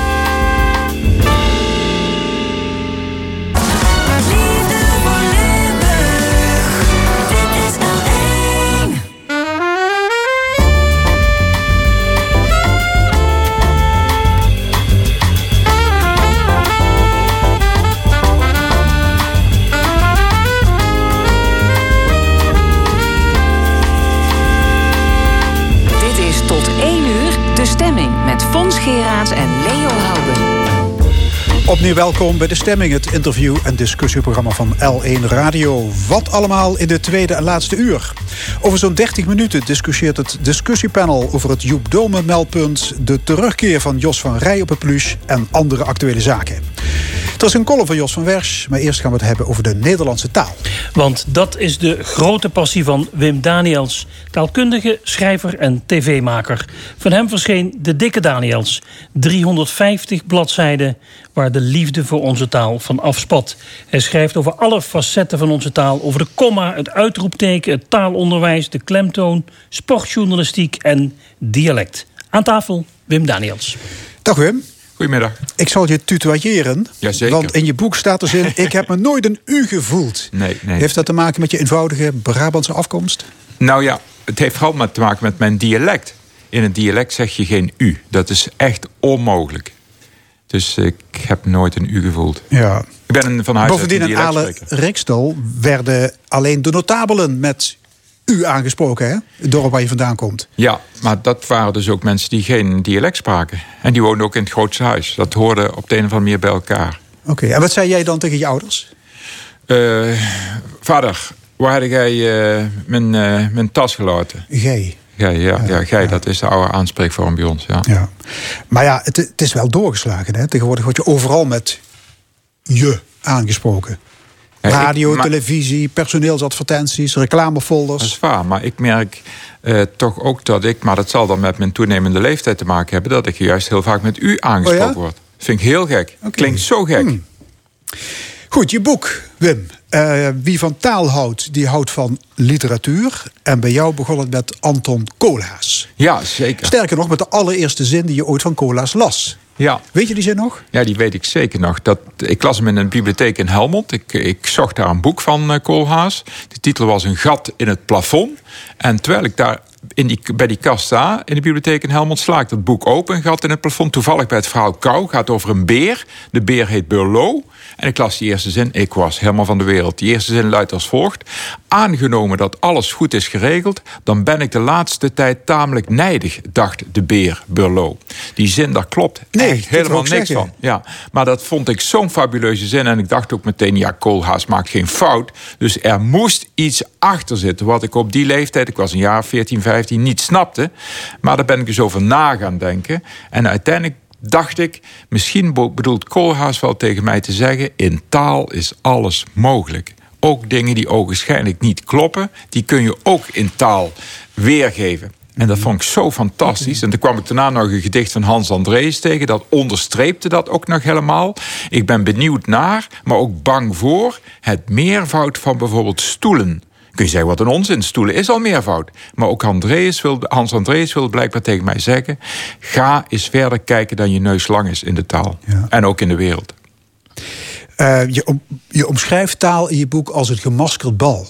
Ja, En ja. het is aan de lezer om de betekenis van zinnen en woorden af te pellen. Ja, dat was voor mij ook wel een van de, van de begindingen waardoor ik taal zo aantrekkelijk begon te vinden. Elk woord heeft een masker op, maar dat moest ik wel ontdekken. Je staat er gewoon niet stil, je gebruikt de hele dag door woorden. Maar elk woord komt ergens vandaan. En dat vond ik zo fenomenaal toen ik dat ontdekte. Een heel simpel voorbeeld is: wij zeiden thuis appelen zien. Ehm, en toen zei iemand tegen mij: er moet een sinaasappel zijn. Maar dat maakt niks uit, want een sinaasappel is een China-appel. Een appeltje uit China. En als ik appelsien zeg, dan zeg ik het via mijn dialect, maar dan zeg ik het in feite via het Frans. Een pom de Chine, een appel de Chine, dat blijft een appeltje uit China. En zo is dat dus met elk woord. Elk woord heeft een masker op. En later ontdekte ik dat dat zelfs een studie is, etymologie. En dat is een Grieks woord met erin de kern etymon. En etymon betekent het werkelijk ware. Dus als je het masker van de taal afhaalt, haalt, dan kom je bij het werkelijk ware uit. En dat geldt zeker voor poëzie. Voor gedichten. Het woord zegt het al, dichten. En de lezer moet het openmaken, ja, toch? ja, mooi, zeker. Ja, ja, ja. Eh, Wim, je had vroeger een taalschriftje. Ja. Een soort taalgroeischrift. Ja. Waarin je bepaalde woorden opschreef. Ja. Heb je dat nog? Nee, dat heb ik helaas niet meer. Maar ik weet nog wel heel goed het moment dat ik dat kocht. Ehm, ik was thuis, dat klinkt een beetje raar, maar ik was thuis hoofd konijnenvoer plukken. Ik moest, ik moest elke dag paardenbloembladeren plukken voor de konijnen. Maar wij kenden dat woord niet, wij zeiden ertschallen. En toen vroeg ik aan mijn vader, wat is dat nou eigenlijk voor een woord? Het woord ertschallen. Waarop mijn vader zei, jongen, dat weet ik niet, pluk ze nou maar gewoon. En, en toen ben ik een schriftje gaan kopen in mijn dorp, bij Maria van Vlerk in de Dorpstraat. En toen dacht ik, nou ga ik elk woord opschrijven waarvan ik wil weten waar dat vandaan komt. En, en ik had al een schriftje natuurlijk, maar daar deed ik onzinnige dingen mee. We waren thuis ongemotoriseerd, maar we gingen toch alvast langs de kant van de weg zitten. En hoorde een hobby bij, nummerborden opschrijven. Totaal, totaal zinloze hobby. Kon ze niet ruilen of niks, had je niks aan. Twee schriftjes volgeschreven. Maar toen heb ik dat andere schriftje gekocht. En dat is voor mij wel heel waardevol geweest. Ben ik dus woorden in gaan opschrijven, maar op een gegeven moment ook uitdrukkingen. Waar die uitdrukkingen vandaan kwamen. Dus dat vond ik ook fantastisch. En mogelijk het allereerste woord dat je opschreef was sla. Ja, En daar heb je een heel mooi hoofdstuk over geschreven in het boek. Eigenlijk een hommage aan je moeder. zeker. Ja. Want die kon als geen ander botersla klaarmaken. Ja, die kon zo lekker sla klaarmaken. En denk je, sla, sla, sla. Wat valt er nou een sla klaar te maken? Maar zoals een moeder sla klaarmaken, ongeëvenaard. Geloof me, sla à la Bertha Daniels Meulendijks... beter kon je sla niet krijgen. Nee, nee, dat klopt. Ja, en ik probeer het toch nog altijd wel te doen, maar er ontbreekt steeds iets. En mijn moeder is helaas al lang dood. Geweldig. Alleen als ik er al, als ik er al aan denk, dan, dan, dan glijdt dat zo naar binnen. Die heerlijke botersla. Botersla heet ook botersla omdat het de zachtste slasoort is. Hè? Je hebt tegenwoordig allerlei soorten sla. Je Heel hebt- veel soorten sla. Ja, je hebt zelfs elektrische sla, Tesla. Maar goed, die telt dan weer niet. Hey, maar is het overdreven om te stellen dat je zonder die sla van je moeder geen taalkundige zou zijn geworden? Nou, ik heb wel een paar mensen in mijn leven nodig gehad die me op het goede spoor hebben gezet. Dat was onder andere een docent Nederlands op middelbare school. Maar zeker ook wel, wel mijn moeder, misschien ook nog wel mijn vader. Ik kom uit een laaggeletterd gezin. Mijn ouders hadden alleen lagere school. Maar mijn vader was wel toch amateur toneelspeler in het dorp. Die in feite zijn teksten niet kon leren. En dan zat ik tegenover hem en dan zei hij tegen mij... nou, zeg maar wat ik op het toneel moet zeggen.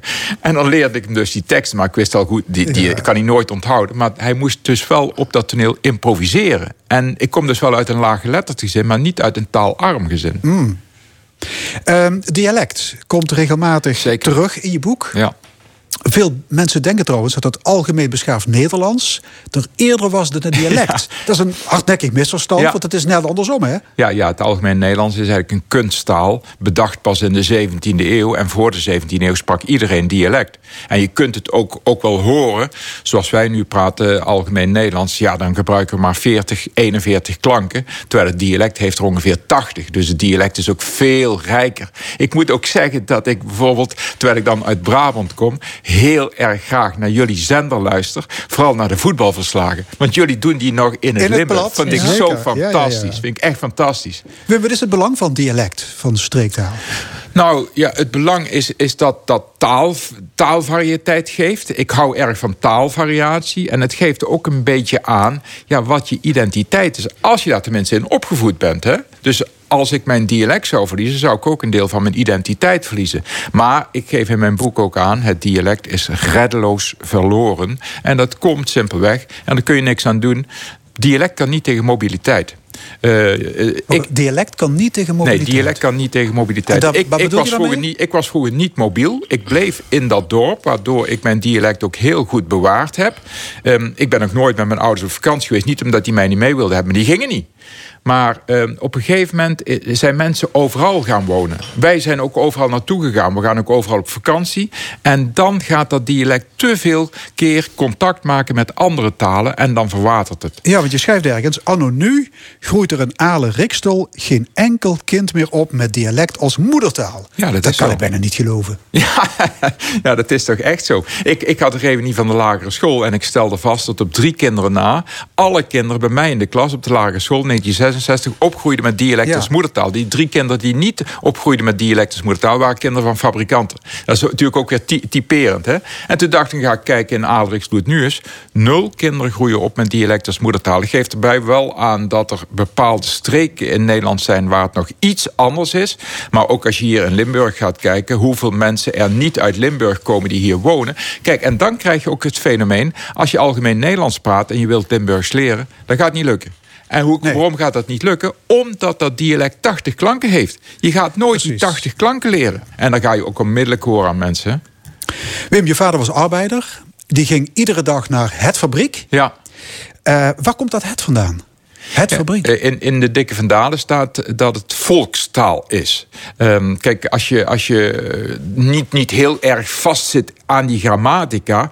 als je weinig scholing hebt gehad... dan ga je heel gemakkelijk die, die lidwoorden door elkaar gebruiken. En het fabriek is op een gegeven moment ontstaan. Ik zeg het ook als vanzelf. Ik moet er echt door mijn uitgever op gewezen worden... dat het in het algemeen Nederlands over het algemeen de is. Soms laat ik dan toch met opzet het staan. Mijn vader die was trouwens ook erg met taal bezig... want die werkte op een metaalfabriek. Wat was dat voor Die werkte op een metaalfabriek. Sorry? Wat, Wat was een metaalfabriek? Ja, zink, hè, geloof ik. Oh, hij was, hij was eh, galvaniseur. Hij moest bouten en moeren onderdompelen in een, in een zoutzuurbad. In de verzinkerij heette dat, ja. Ja, en die dampen van die zinkbaden, die waren vooral funest voor zijn gebit. Hè. Zijn tanden werden hartstikke zwart. Op zijn dertigste, ik heb het niet gezien, want toen was ik er nog niet... maar op zijn dertig stonden al zijn tanden zwart in zijn mond. Ja, ja. En dat heeft dan weer tot gevolg gehad... dat er op zijn nachtkastje altijd zo'n glaasje stond... steradent met zijn kunstgebit erin. Jee. En je schrijft, van het fabriek kreeg hij twee liter melk per dag verstrekt om het gif tegen te gaan. Ja, dat is- Het fabriek wist dus dat ze mijn vader aan het vergiftigen waren. Ik kan er nog altijd niet over uit. Ja, dat vind ik echt wel heel ernstig. Hij kreeg twee liter melk van, van de fabriek verstrekt om het gif tegen te gaan. Dus ze wisten hij werkt in het gif. Zullen we wat melk geven, want we denken dat het melk werkt tegen het gif. Dus ze wisten gewoon, ze zijn hem aan het vergiften. Ze- Hij kreeg het wel gratis. Dat was dan nog, nog. Stel je voor dat je er ook nog voor had moeten betalen. Ja. Maar daar sta je. Ik stond er als kind te weinig bij stil. Maar later ben ik er bij stil gaan staan. En het is natuurlijk verschrikkelijk. Dat zo'n fabriek. Ik moest een keer spreken in Helmond.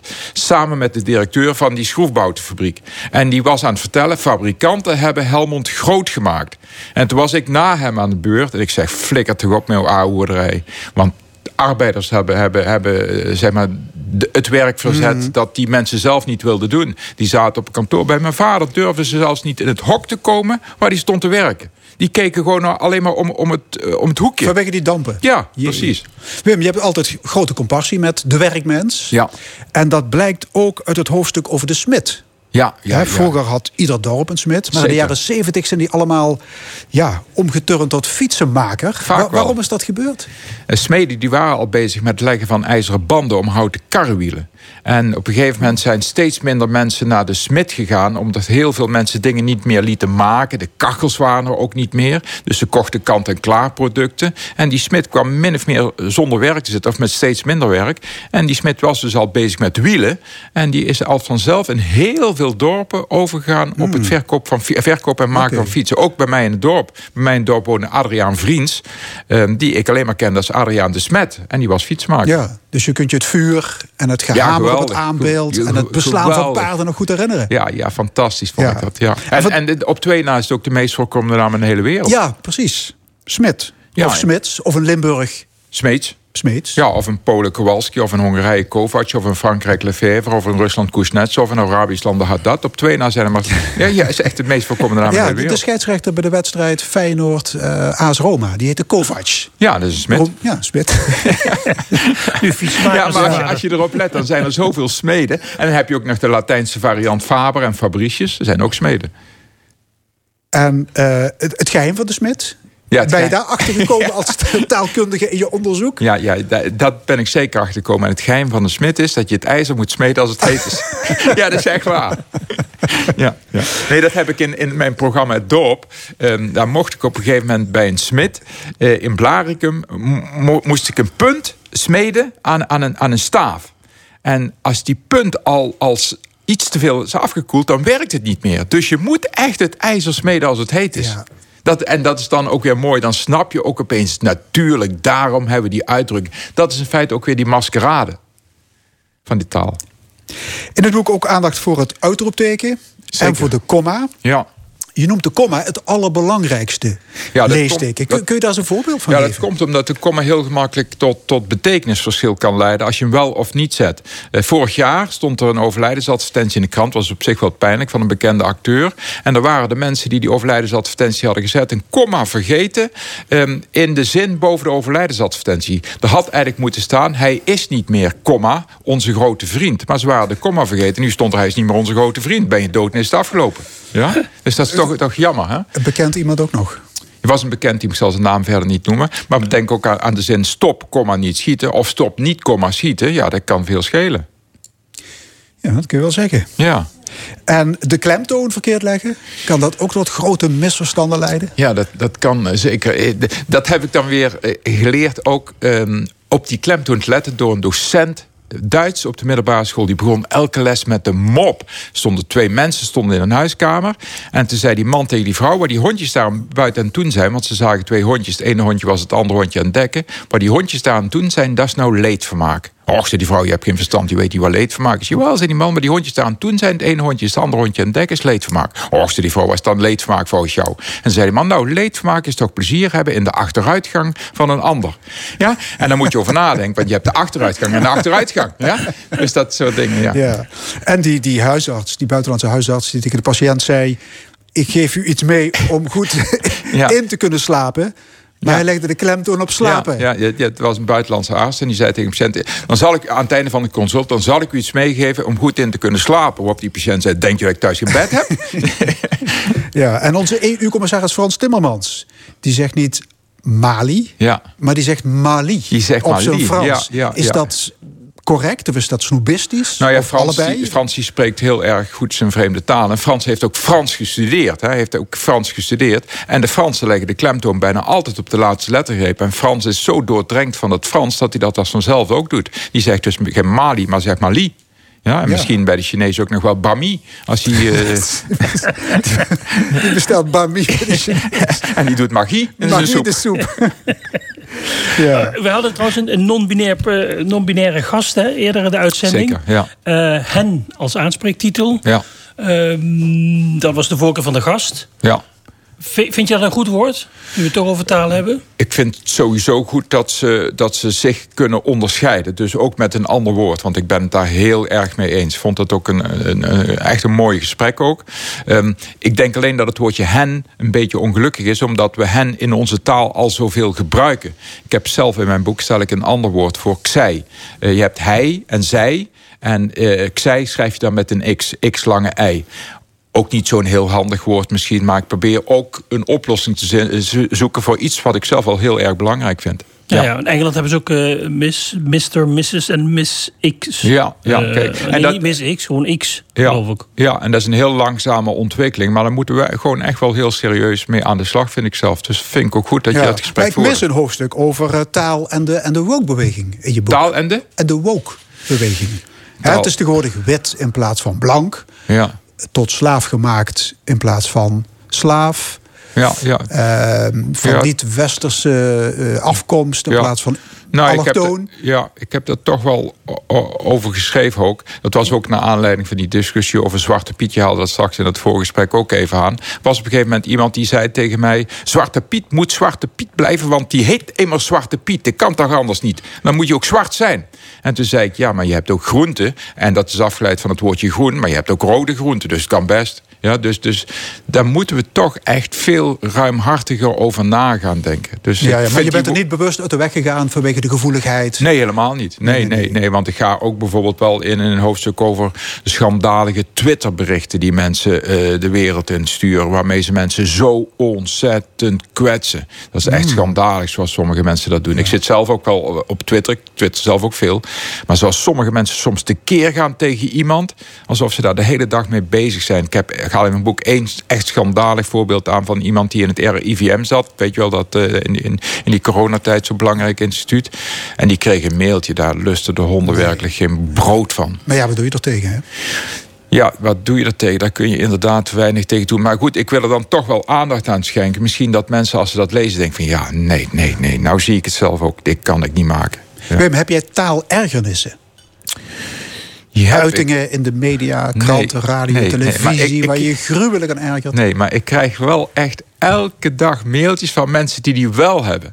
En dat vind ik wel mooi.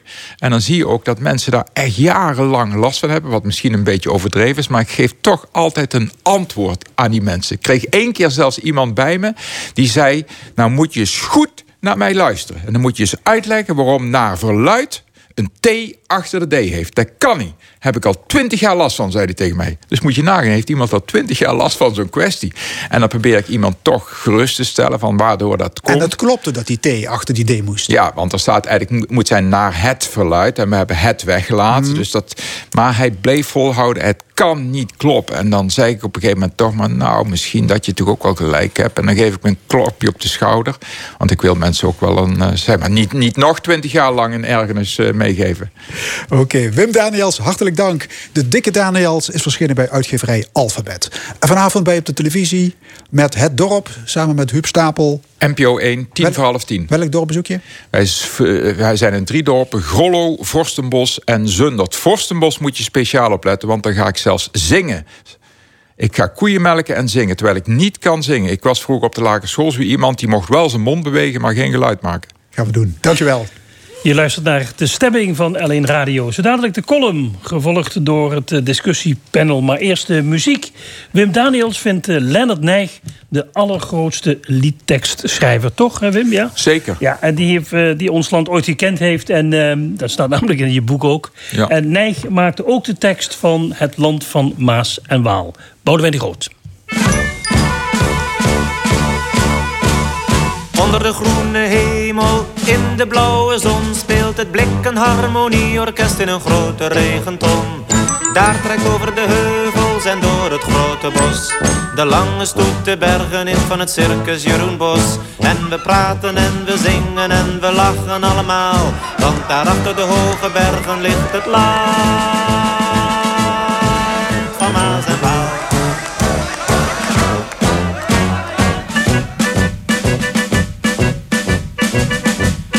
loop gearmd met een kater voorop. Daarachter twee konijnen met een trechter op de kop. En dan de grote snoes aan die legt een glazen ei. Wanneer je het dan sneeuwt het op de Egmondse abdij.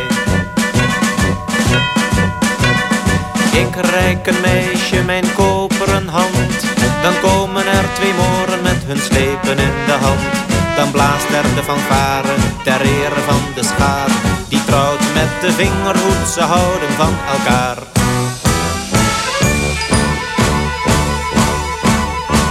En onder de purperen hemel, in de bruine zon, speelt nog steeds het harmonieorkest in een grote regenton.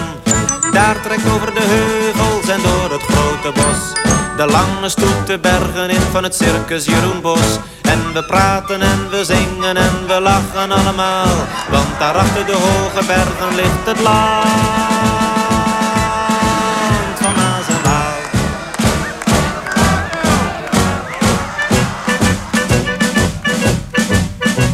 We zijn aan de koning van Spanje ontsnapt. Die had ons in zijn bed en de provisiekast betrapt. We staken alle dus het geeft niet en het komt niet in de krant. Het leed is geleden, de horizon schijnt. Wanneer de doden dronken zijn en bierlala verdwijnt. Dan steken we de loftrompet en ook de dikke draak.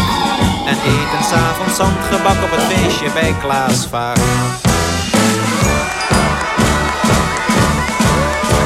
En onder de gouden hemel, in de zilveren zon, speelt altijd het harmonieorkest in een grote regenton. Daar trekt over de heuvels en door het grote bos. De stoet voorgoed de bergen in van het circus Jeroen Bos. En we praten en we zingen en we lachen. Het land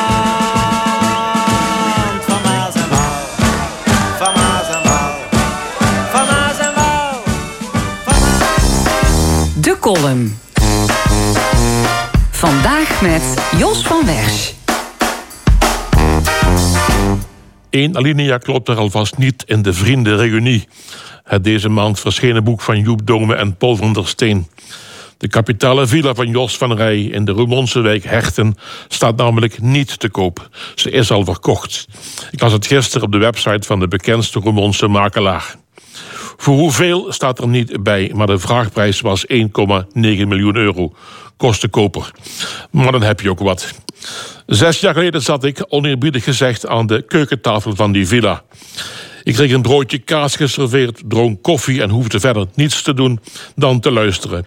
Luisteren naar zijn verhaal en naar zijn waarheid.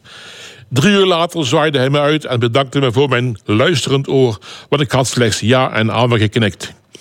Eén naam was opmerkelijk vaak gevallen. Die van Bjorn Oostra, de hoofdredacteur van de Limburger. Die Oostra, ik hoor het van Rij nog zeggen, zou een zeer gemeen mens zijn.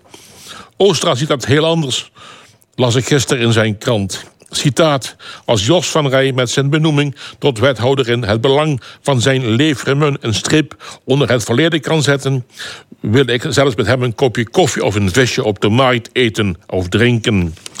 Dat riekt, als u het mij vraagt, naar journalistieke hoogmoed richting een gebrandmerkte 77-jarige vechtjas die zich als een veroordeelde politieke paria door het leven sleepte in de hoop nog ooit een comeback te mogen maken. Aan zich is het natuurlijk van de gekke dat hij op deze leeftijd opnieuw in de arena verschijnt om zijn in deplorabele staat verkerende leefremun uit de modder te trekken. Ik gun Van Rij van ganser harte zijn nakende jour de gloire. En niet te vergeten zijn voorpret deze week.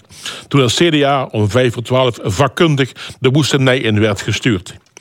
Ik kijk rijk het uit naar het moment dat burgemeester Rian Donders hem knarsetandend tot wethouder moet installeren, waarna op niet al te lange termijn in functie elders voor haar de beste oplossing zal blijken te zijn. Van Rij heeft van alles en nog wat uitgespookt en is daarvoor veroordeeld. Maar hij heeft, in tegenstelling tot de afdeling Ons ons van de Vriendenrepubliek, nooit voor zichzelf gezaaid. Zo bleek tijdens de zitting van het Haagse gerechtshof in 2017. In verklaring van goed gedrag, een zogeheten VOG, heeft Van Rij al op zak. Zo meldt de krant van Bjorn Oostra. En ja, kalm maar. Van Rij gaat voorafgaand aan het plus ook nog door de wasstraat bij bureau Berenschot. Kortom, vooruit met de geit. Dit is L1. De column van Jos van Wersch. We gaan verder in de stemming met een onze discussiepanels. Vandaag over het Joep Dome meldpunt, de comeback van Jos van Rij... en de VVD die aandringt op de bouw van twee kerncentrales. Ik heet van harte welkom docent Ingeborg Dijkstra-Verbeek... ombudsvrouw Heger Harzi en columnist Jos van Wersch. Ja, welkom alle drie. Ehm, een website waar je fouten van journalist eh, Joep Dome kunt melden. Oud de CDA-gedeputeerde Gert Driessen heeft die website eh, deze week, begin deze week in het eh, leven geroepen. Wat vind je ervan, Ingeborg? Ik ben, ja, ik ben daar geen voorstander van. Ik vind het, eh, als iemand iets zou beweren wat onwaar is, dan kun je dat op een heel andere manier oplossen. Ik vind dit uitlokken tot een soort, mogelijk, hè, tot een hetze, misschien. Hè, ik weet het niet. Ik vind dat heel erg op de man gespeeld. En ik denk van nee, ik ben daar geen voorstander van. Vrijheid van meningsuiting, oké. maar niet een meldpunt speciaal voor Joep Domen. Nee, ben ik niet, vind ik niet oké. Ja, mee eens. Ehm, is, is niet handig, is niet leuk, absoluut niet leuk. Eh, maar wat heeft dat voor toegevoegde waarde? En ik vind die meneer, die heeft zichzelf gewoon verraden. Zijn naam stond niet in dat onderzoek of in het boek. En heeft hij zichzelf gewoon openbaar gemaakt. Dan denk ik van, gaan nog meer mensen uh, in het meldpunt zichzelf uh, uh, verraden of d- iets over vertellen. Dus, en waar blijft de vrijheid van meningsuiting? Hoe kunnen we de journalisten beschermen? Hoe kunnen we achter waarheden komen als dat iedereen ja, zo'n meldpunt gaat maken? Of, ja, wat Ingeborg zei, er zijn andere wegen die veel netter en beter zijn. Dus mm. voor mij hoeft dat niet. Nee. Dus het heeft geen toegevoegde waarde. Wat is het resultaat daarvan? Daar ben ik benieuwd naar. Ja, dat weten we nog niet. Dat Want ik heb dus nog dat, eh, gekeken gisteren op de website. Er staat Er niks. staat nog verder niks anders dan een int- introducerende Nee. tekst. Ook de aanbidders van Joep Dome mogen hun mening geven. Staat er nog bij voor volledigheidshalve. Is, dat- is dat wat de burger zit op te wachten? Is dat vrijheid van meningsuiting? Nou, dan ga ik ook een, een meldpunt maken van als iemand mij beledigt of eh, racisme zegt en die zeggen dat is de norm en dat is onder de vrijheid van meningsuiting. Dus ja, waar blijf we dan? Als, dat, dat, dat heeft geen toegevoegde waarde, dat is gewoon totale onzin. Ja. Het mag, maar onzinnig. Ja, nu schreef Weekblad Elsevier deze week...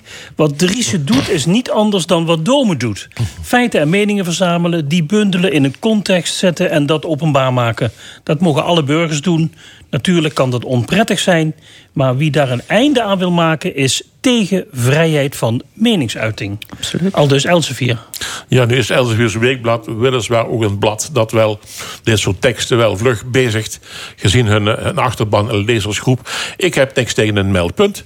Ik had het alleen niet gedaan. Ik vind het heel erg vreemd dat Gert Driessen dit nou, we hadden nou, we wisten nergens van. We wisten wel dat er ongeveer 18 deputés in aanmerking kwamen voor die, voor die functie, zeg maar, elders. Maar, eh, dus ik verbaas me dat hij dat gedaan heeft. Maar ik heb er op zich in principe geen problemen mee. Nee, want eh, de, de, dat wordt ook in die discussie aangemerkt... Hè, van hiermee wordt de persvrijheid aangetast. Nou, ik Eh, vind- Is dat zo? Even los van of het fatsoenlijk is of het slim is... maar wordt de persvrijheid aangetast en hoezo dan? Nou, ik vind op zich wel dat, ik vind dat journalisten de laatste tijd het zwaar te verduren hebben gehad. Ik vind dat we in deze tijd juist eerder op moeten komen voor de journalistiek en de vrije eh, journalistiek. En laten we zeggen, als er dan een meldpunt zou moeten komen, laat het dan een algemeen meldpunt zijn van, hey, de- maar ik, ik ben geen jurist, maar zo van hier worden onwaarden eh, verteld. Maar dan denk ik van, daar is een andere weg voor. Ik denk zeker van vrijheid van meningsuiting, ja, maar door te zeggen, ik ben geen voorstander van een meldpunt voor Joep Domen specifiek, ben ik niet tegen vrijheid van meningsuiting. Daar ben ik het eh, echt pertinent mee oneens. En ik denk dat, dat we gewoon moeten zeggen van ja, journalisten mogen schrijven wat ze willen. En ja, als, als dan zo'n meldpunt feiten wil verzamelen, kan dat ook op een andere manier. En hoeft niet één zo'n naam met grote letters maar, erop. maar welke andere manier heb je om eh, eh, jouw feiten en meningen te publiceren? dat, dat moet je juridisch uitzoeken. Kijk, ja, maar een ik journalist niet, gaat toch ook niet naar de rechter? Die schrijft een stukje in de krant. Terwijl door internet kan natuurlijk iedere burger zeggen van... nou ja, ik heb geen krant, maar ik heb een ander platform. Ik heb mijn eigen website. Dat mag ook, dat is de vrijheid. Maar ik, ik denk dat eh, als journalisten dat zich laten doen, dat ze zich laten blokkeren door, door, door zulke mensen, of, eh, dan, dan, zijn de, dan zijn ze geen echt journalisten. Dat, dat, dat kun je toch niet laten blokkeren. Goed, dat is dat je ze- beroep. Dat is je beroep. Daar heb je voor gekozen en daar moet je ook voor gaan. Ongeacht of het nou platform wordt geopend of eh, die worden ook bedreigd. Hun privéleven is ook niet meer zeker. Die, die hebben heel erg wat te verduren. Maar om je te laten blokkeren, dat denk ik, zijn we heel ver weg. Dat, dat moet niet kunnen. Wat mij opvalt is dat het in de aanloop naar dit boek, naar de verschijning, zou het zo zijn dat het aantal eh, advocaten al in de stijgers klaar stond om een aantal dingen aan te vechten. Ik denk, nou, ik ben heel benieuwd. Het is muis stilgebleven. Volgens mij Ja, veel- maar, het kan, ja, maar, maar wacht even. Het kan ook zo zijn dat van, van Dome en Van der Steen... hebben alle teksten van hun boek naar de mensen toegestuurd. Als zij vervolgens het boek hebben aangepast... ja, dan hoeft de advocaat niet in actie te komen. Kijk, Driessen, de naam van Driessen stond wel in het concept. In het conceptboek stond dat Driessen de man was... die met de dienstauto naar het bordeel ging. Ja. Nou, heeft Driessen tegen geageerd. Zeker. Dus is het niet in het boek gekomen. Ja, dus hoeft hij zijn advocaat op dat punt misschien niet in het. eh, Ja, erbij wat is de meerwaarde van, van het platform dan? Als toch zijn naam eraf is gehaald. En bij, ik, ik, ik heb het nooit geweten. Tot hij zelf met je platform... Och, was jij dat? Dus waarom moet je het eh, moet je publiekelijk gaan doen? Nogmaals, wat heeft dat voor meerwaarde? Het is oké, doe maar een platform. Ja, ja, wat is de meerwaarde om te zeggen wat je niet gedaan hebt? Ja, dus wat, wat, wat is dat? Daar ben ik benieuwd naar Driessen toe. Dus, eh, Heeft iemand een idee wat de meerwaarde daarvan zou kunnen zijn? Ja, hij, wil toch, eh, hij zei dus eh, dat het ook ging om de overleden gedeputeerde te beschermen. Dat vond ik wel ontzettend. Dat is wel altruïstisch, hè? Heel goed van, eh, van Ger. Had ik niet gedacht dat hij daar nog weer Maar is het trouwens een politieke doodzonde als je als gedeputeerde met de dienstauto naar een bordeel gaat? Ja, eh, in, in bedrijfstijd wel, denk ik, hè, Fons. Was er een bedrijfstijd? Ja, ja als je met de dienstwagen met een Hij was op weg naar huis volgens mij. Zeker, maar ja, dan kun je Maar, daarbij... je mag wel een boodschap doen bij Albert Heijn, maar bordeel is Ja, kennelijk- ik ken de regels niet zo hoe dat zit in het bestuurlijke eh, gremium, maar het lijkt mij niet handig. Hè? Maar daar- Ger Koopmans ging misschien met, met, zijn, met zijn dienstauto naar zijn, eh, naar zijn vriend in Heerlen. Ja, dat Wat was is, wat, wel... wat, wat is het verschil? Wat is het principiële wel- verschil? Hij had wel toen Behalve je kunt gevraagd voordelen. of dat mocht. Hè? Staat in het boek ook. Hè? Mag ik in plaats van naar eh Noord-Limburg te rijden... nu een maand of zes, want dat heel, zo lang heeft het geduurd... naar Heerlen rijden. En dan zei Bogens, dat mag jij. En zo is het gegaan. Het zijn verhalen, jongens, waar we over bezig zijn. Hè? Ja, heb je trouwens het boek gelezen? Nee, nog niet. Nee, nog niet. Ingeborg? ja, nu Ah, wordt het interessant. Nu wil ik hem wel gaan lezen. Ja, serieus. Ik Nu wil ik hem echt gaan gespeld. Ik heb lezen. het gespeld. En het mooiste is ook vooral de reacties van de, van de mensen die dus worden aangeklaagd. Dus aangestekend. Ze zeggen allemaal, ik herken mij hier niet in. De een naar de andere. Dus ik vind het zeer aanbevinnenswaardig om het toch maar een keer met de... Ik ga hem echt Ja. lezen. Maar Jos, je bent dus voorstander van zo'n meldpunt. Heb je Ja, dat, dat heb ik goed begrepen. ja, ik vind maar dat- de- ik heb er geen dat probleem. terwijl de journalisten al enorm onder vuur liggen de laatste tijd. Die worden bedreigd. De NWS moet de logo's van de wagens Ja, afhalen. ja. Eh, Wilders twittert overtuigd van de richel.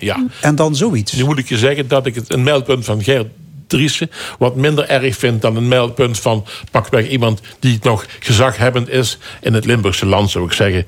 We hebben het hier over een gedeputeerde die op leeftijd is, ex-gedeputeerde, ex- een man in, de rust, gepensioneerd.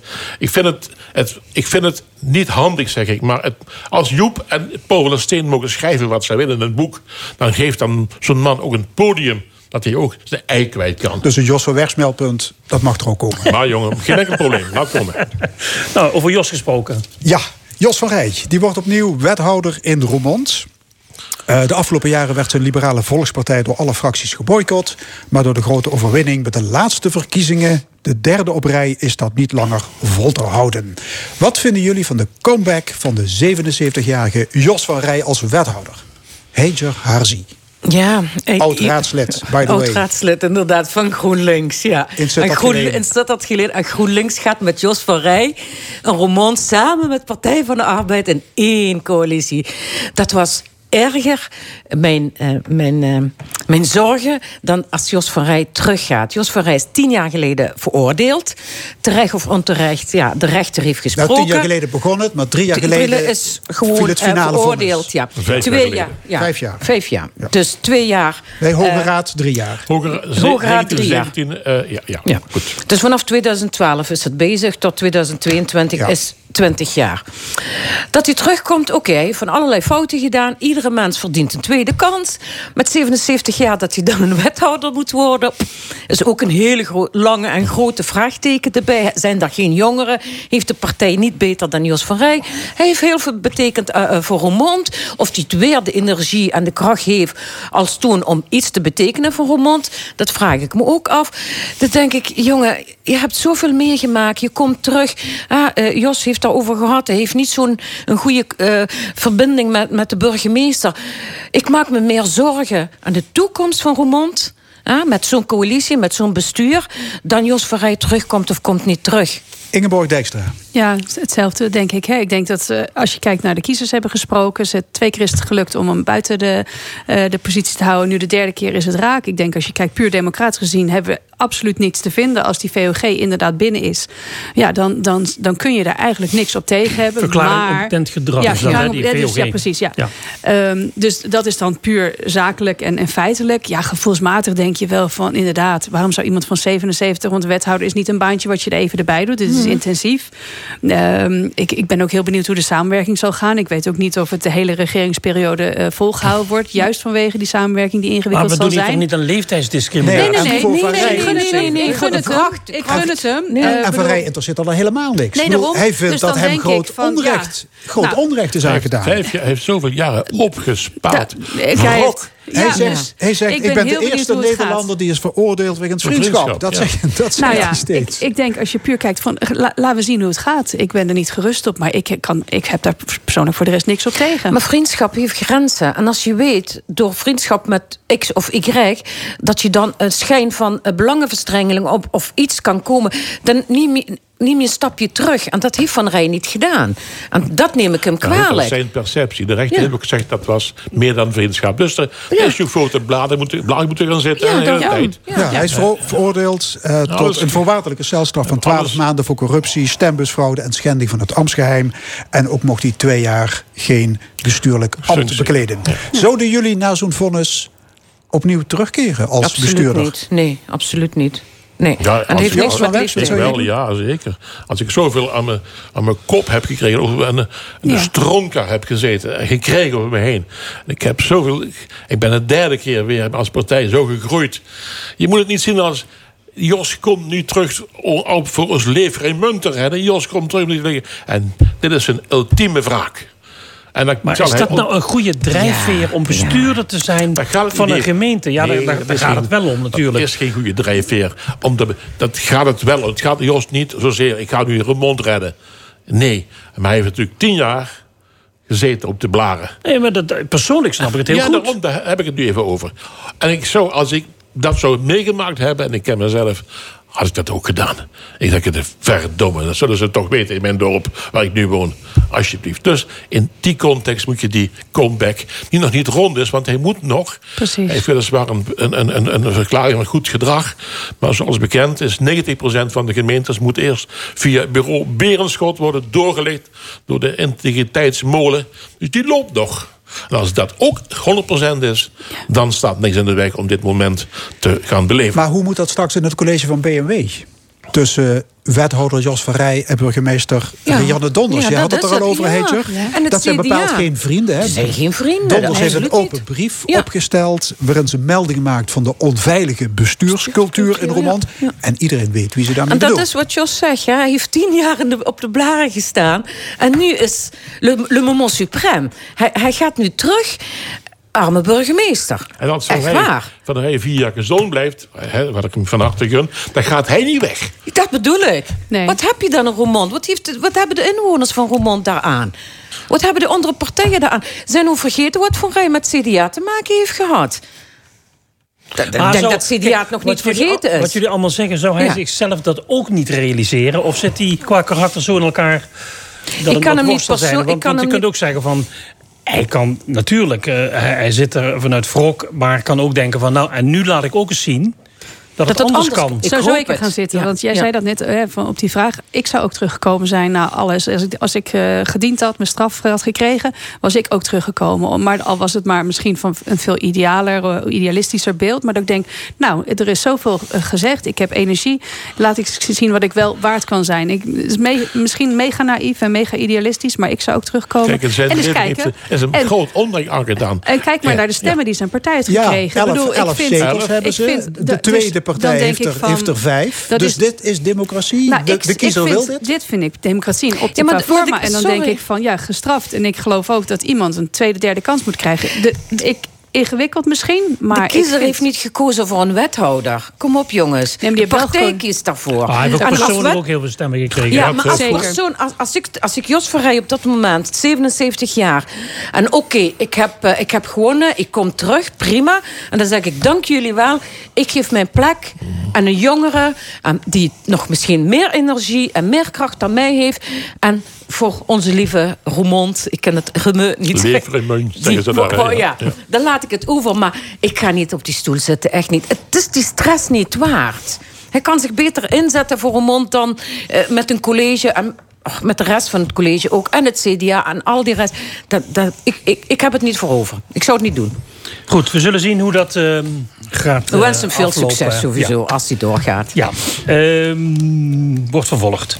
Het Kerkraadse Tweede Kamerlid Silvio Erkens van de VVD... die wil dat het kabinet de tempo maakt... en nog voor maart de 2024, einde van deze kabinetsperiode... daadwerkelijk begint met de bouw van twee nieuwe grote kerncentrales in Borselen. Eh, want dat is energieopwekking zonder CO2-uitstoot. Heeft hij een punt dat het eh, kabinet meer gas moet geven op dit dossier? Ik vind van wel. Ik vind ook van wel. Ja. Ja. We zijn Want? zo afhankelijk van Poetin en de oorlog... wat hij met ons meedoet. Nou ja, wat- en wat je ook zei, de, de uitstoot. Het is Ja. natuurlijk, hè, ehm, je moet kijken naar de verschillende opties die er zijn. Windenergie, maar dat is kwetsbaar. Want dan moet er wind zijn, zonne-energie is kwetsbaar. Dan moet er altijd zon zijn. En ik denk als de, vooral de, het afval, als daar een goede oplossing voor is... om dat veilig eh, te kunnen eh, afvoeren... is het een hele reële optie om eh, met de energie aan de gang te gaan. Dus ja, goed, ik denk ook... Het staat ook in het coalitieakkoord. Van, eh, dus ik denk, eh, ja, laten we maar vaart maken. Ja, het is natuurlijk wel een heel tactisch handig moment om dat nu te doen. Hè? Ik bedoel, we zijn afhankelijk van Russisch gas en olie. En, Ja. en op dat moment kom jij met van... Nou ja, in december moeten is het coalitieakkoord eh, getekend. Toen hadden we daar natuurlijk nog minder weet van wat er nu eh, zou gebeuren. Ik denk dat dit een streef is van de, de meeste partijen ehm, in de Tweede Kamer. En zeker ook van die vier die in de coalitie zitten. Ja. Ja, Het, maar het, goed. het is ook afgesproken. hè, Daarom, en dan, ik ben van Alleen afspraak is afspraak. Alleen misschien de, de de versnelling. En dat snap ik wel. Ja, ja, je kan niet alles van tevoren Als je weten. ziet in Duitsland, daar moet minister Ja. Habeck van Economische En Klimaat... die moet naar Qatar gaan. Hè, van de Ja. regen en drup om daar Ja. energie te kopen. Precies. Dan denk ik, ja, dat is ook niet alles natuurlijk. Hè, als je dat moet doen om, om, om de zaak draaiend te houden. Ja. En het lijkt dat wij versnellen, of uh, Sylvie dat doet... maar we zijn een beetje gewend om alles maar te laten liggen. Het komt wel. Het komt. We hebben zelfs minister van Klimaat. Ah, Jette, waarom schiet hij niet op? Wat is hij aan het doen? Het geld is daar, coalitieakkoord is er. Heel veel uh, voor deze coalitie al eerder waren ze al akkoord. Dus schiet op, uh, kom met een plan, uh, kom met een uitvoering. Waarom moeten we altijd zoveel laten liggen tot het 5 voor 12 is? Dus ik denk dat hij een punt heeft. Maar hij zit altijd met de maatschappelijke discussie natuurlijk... als het over kernenergie Klopt. gaat. Dat is, wat doen we met het afval? Hebben we daar een oplossing voor? Nu is dat wel een discussie die al sinds vorige eeuw speelt. Mhm. Mag je die met de kennis van nu... is dat nog steeds even, uh, uh, een even zwaar element in die discussie? Ik, ik denk dat zowel draagvlak als afval is natuurlijk... dit zijn twee belangrijke pijlers waar je het over moet hebben met kernenergie. En ik denk dat daar goed naar gekeken wordt. En juist het voorstel om het in Borselen te doen. Als je kijkt, het draagvlak van de bevolking is daar groter... dan bijvoorbeeld bij ons hier of eh, in andere regio's van Nederland. Ik zeg, laten we daar ook vaart mee maken. Maar ja, je kunt het, het afval van kernenergie niet bagatelliseren. Dat is natuurlijk ook de grootste reden... waarom heel veel mensen er tegen zijn of tegen waren. Ja, maar je zegt het draagvlak in Borselen is groter. Ja, omdat er al een kerncentrale ja, staat. Dat, nou, onderzoek laat die, zien. zijn, die zijn eraan gewend. Die zijn er al Ja. aan gewend. En Ja. in die zin, die, die, Toch niks dus, uh, nee, precies. Dus dan denk ik van, uh, als je het dan toch ergens doet, uh, doe het dan um, nou, waar de draagvlak goed maar grootst gaat het is. lukken om die afvaldiscussie, dat maatschappelijk draagvlak voor van we geloven erin dat er een veilige oplossing is voor het afval. Gaat dat lukken Met om een- daar een, een, omkering in te krijgen? Met, in- met, een, in- met, een op- debat? met een open communicatie en eerlijk, echt open hè, als, als bestuur. Dat je communiceert naar, naar de bevolking toe en ook naar de tegenstanders. Ik denk dat dat komt. En wat er nu komt, hè, kijk, met, met alles, Oekraïne of niet Oekraïne, het wordt steeds moeilijker. Dus waarom gaan we niet, niet echt versneld aan de gang en serieus aan de gang? Nu, nu de tijd rijp is, en die waren al twee jaar mee bezig. En nu is vijf voor twaalf klaar. We moeten met een oplossing komen, ja of nee? Nee, dat de kernenergie eh, eh, sneller komt. eh, met name ook door de huidige eh, energietarieven. Zeker, We tuurlijk. hebben ermee, ik heb er ook mee te maken. Ja, Iedereen, iedereen, dat iedereen overkomt me voelt nu het in één elke keer. maand. Ja, zeker. We hadden toch alles mooi op de- rij staan. Mhm. Dus ik moet ook verder denken dan, dan alleen maar eh, de klimaat of de energieafval. Mhm. En, maar dat is erger of minder erg ten gevolge van CO2 of de, de opslag van het energie eh, van het eh, afval van de kern in. Dus dat, en de Fransen die zeggen: jongens, we moeten gewoon blijven bouwen. We gaan er steeds meer bouwen. Centrales. Hè. Ook geen dom Ja, land. maar de. Duitsers zijn helemaal mee Nee, gestopt. dat weet ik. Dat komt. Ja, Daar dat heeft Merkel nog bedacht. Ja. Vier, vijf jaar geleden. Dat klopt. Hè? Maar of dat nu nog relevant. Ze zijn nu de bruinkool nog terug aan het halen. We hebben Ja. het over. Omdat ze niks anders hebben. Ze gaan naar Qatar. Ze gaan naar de Sheikh toe. Ellende, hè? Pas op, hè? Je afhankelijk maken van zo'n landen, dat is echt erger, echt erger. Hier in Nederland moet gewoon de discussie op gang komen. En de regering moet gewoon vaart... Moet, moeten gewoon serieus nu naar de plannen. En de minister moet nu gaan bewegen. Klaar, maar de energietransitie moet ook, ook gepaard gaan met duurzaamheid. Zeker. En kernenergie kun je toch, ja. kun je toch geen groene energie nee, noemen? Of wel? allemaal waar. Dat klopt wel. Nou, maar ik is- moet wel, eh, s'avonds, ik moet wel de kachel branden. Ja, ik wil wel stroom hebben. En ik, als het kan, even betalen. Want het wordt l- niet betaalbaar meer. We houden dat niet vol, hoor. Met, met, met duurzaam alleen. Maar het is wel interessant dat we de afgelopen jaren juist heel erg hebben ingezet van energievoorziening in Europa. Die netwerken zijn allemaal met elkaar verbonden. Hè, we, we, we- waren in Nederland wilden we geen kernenergie, maar we importeerden wel vanuit landen waar ze het wel hadden. Ja. Eh, eh, ja, het- er is toch een enorme omslag gekomen. Nu gaan we opeens weer, wat eigenlijk heel anti-Europees is, pleiten voor eigen energie. Minder Ja, afhankelijk worden. Maar dat is een beetje... Dat zijn wel een beetje eh, nou ja, maar dat is ook wat, op, bergje af. wat Jos zei, of om de woorden van Wim van de Net te gebruiken. Wim Daniels, die zei, we moeten het ijzer smeden als het heet is. Nou, nu is dus het ijzer heet in die zin van de gasprijzen gaan omhoog. We hebben een eh, afkeer gekregen tegen Russisch gas. En eh, terecht, zullen we maar zeggen. Dan moeten we ook nu even doorpakken. Ik denk dat het, eh, ja, je moet het doen met de kennis van nu. En nu is het echt tijd rijp om eh, zelf eh, meer energie op te wekken. En we willen onafhankelijk zijn. Precies. En dat, Ja. ja. Oké, eh, in Duitsland mag je vanaf woensdag voor 9 euro per maand... eh, nee, voor 9 euro een maand lang onbeperkt reizen met het openbaar vervoer. En dat drie Dit maanden lang. als compensatie voor de fors gestegen energieprijzen.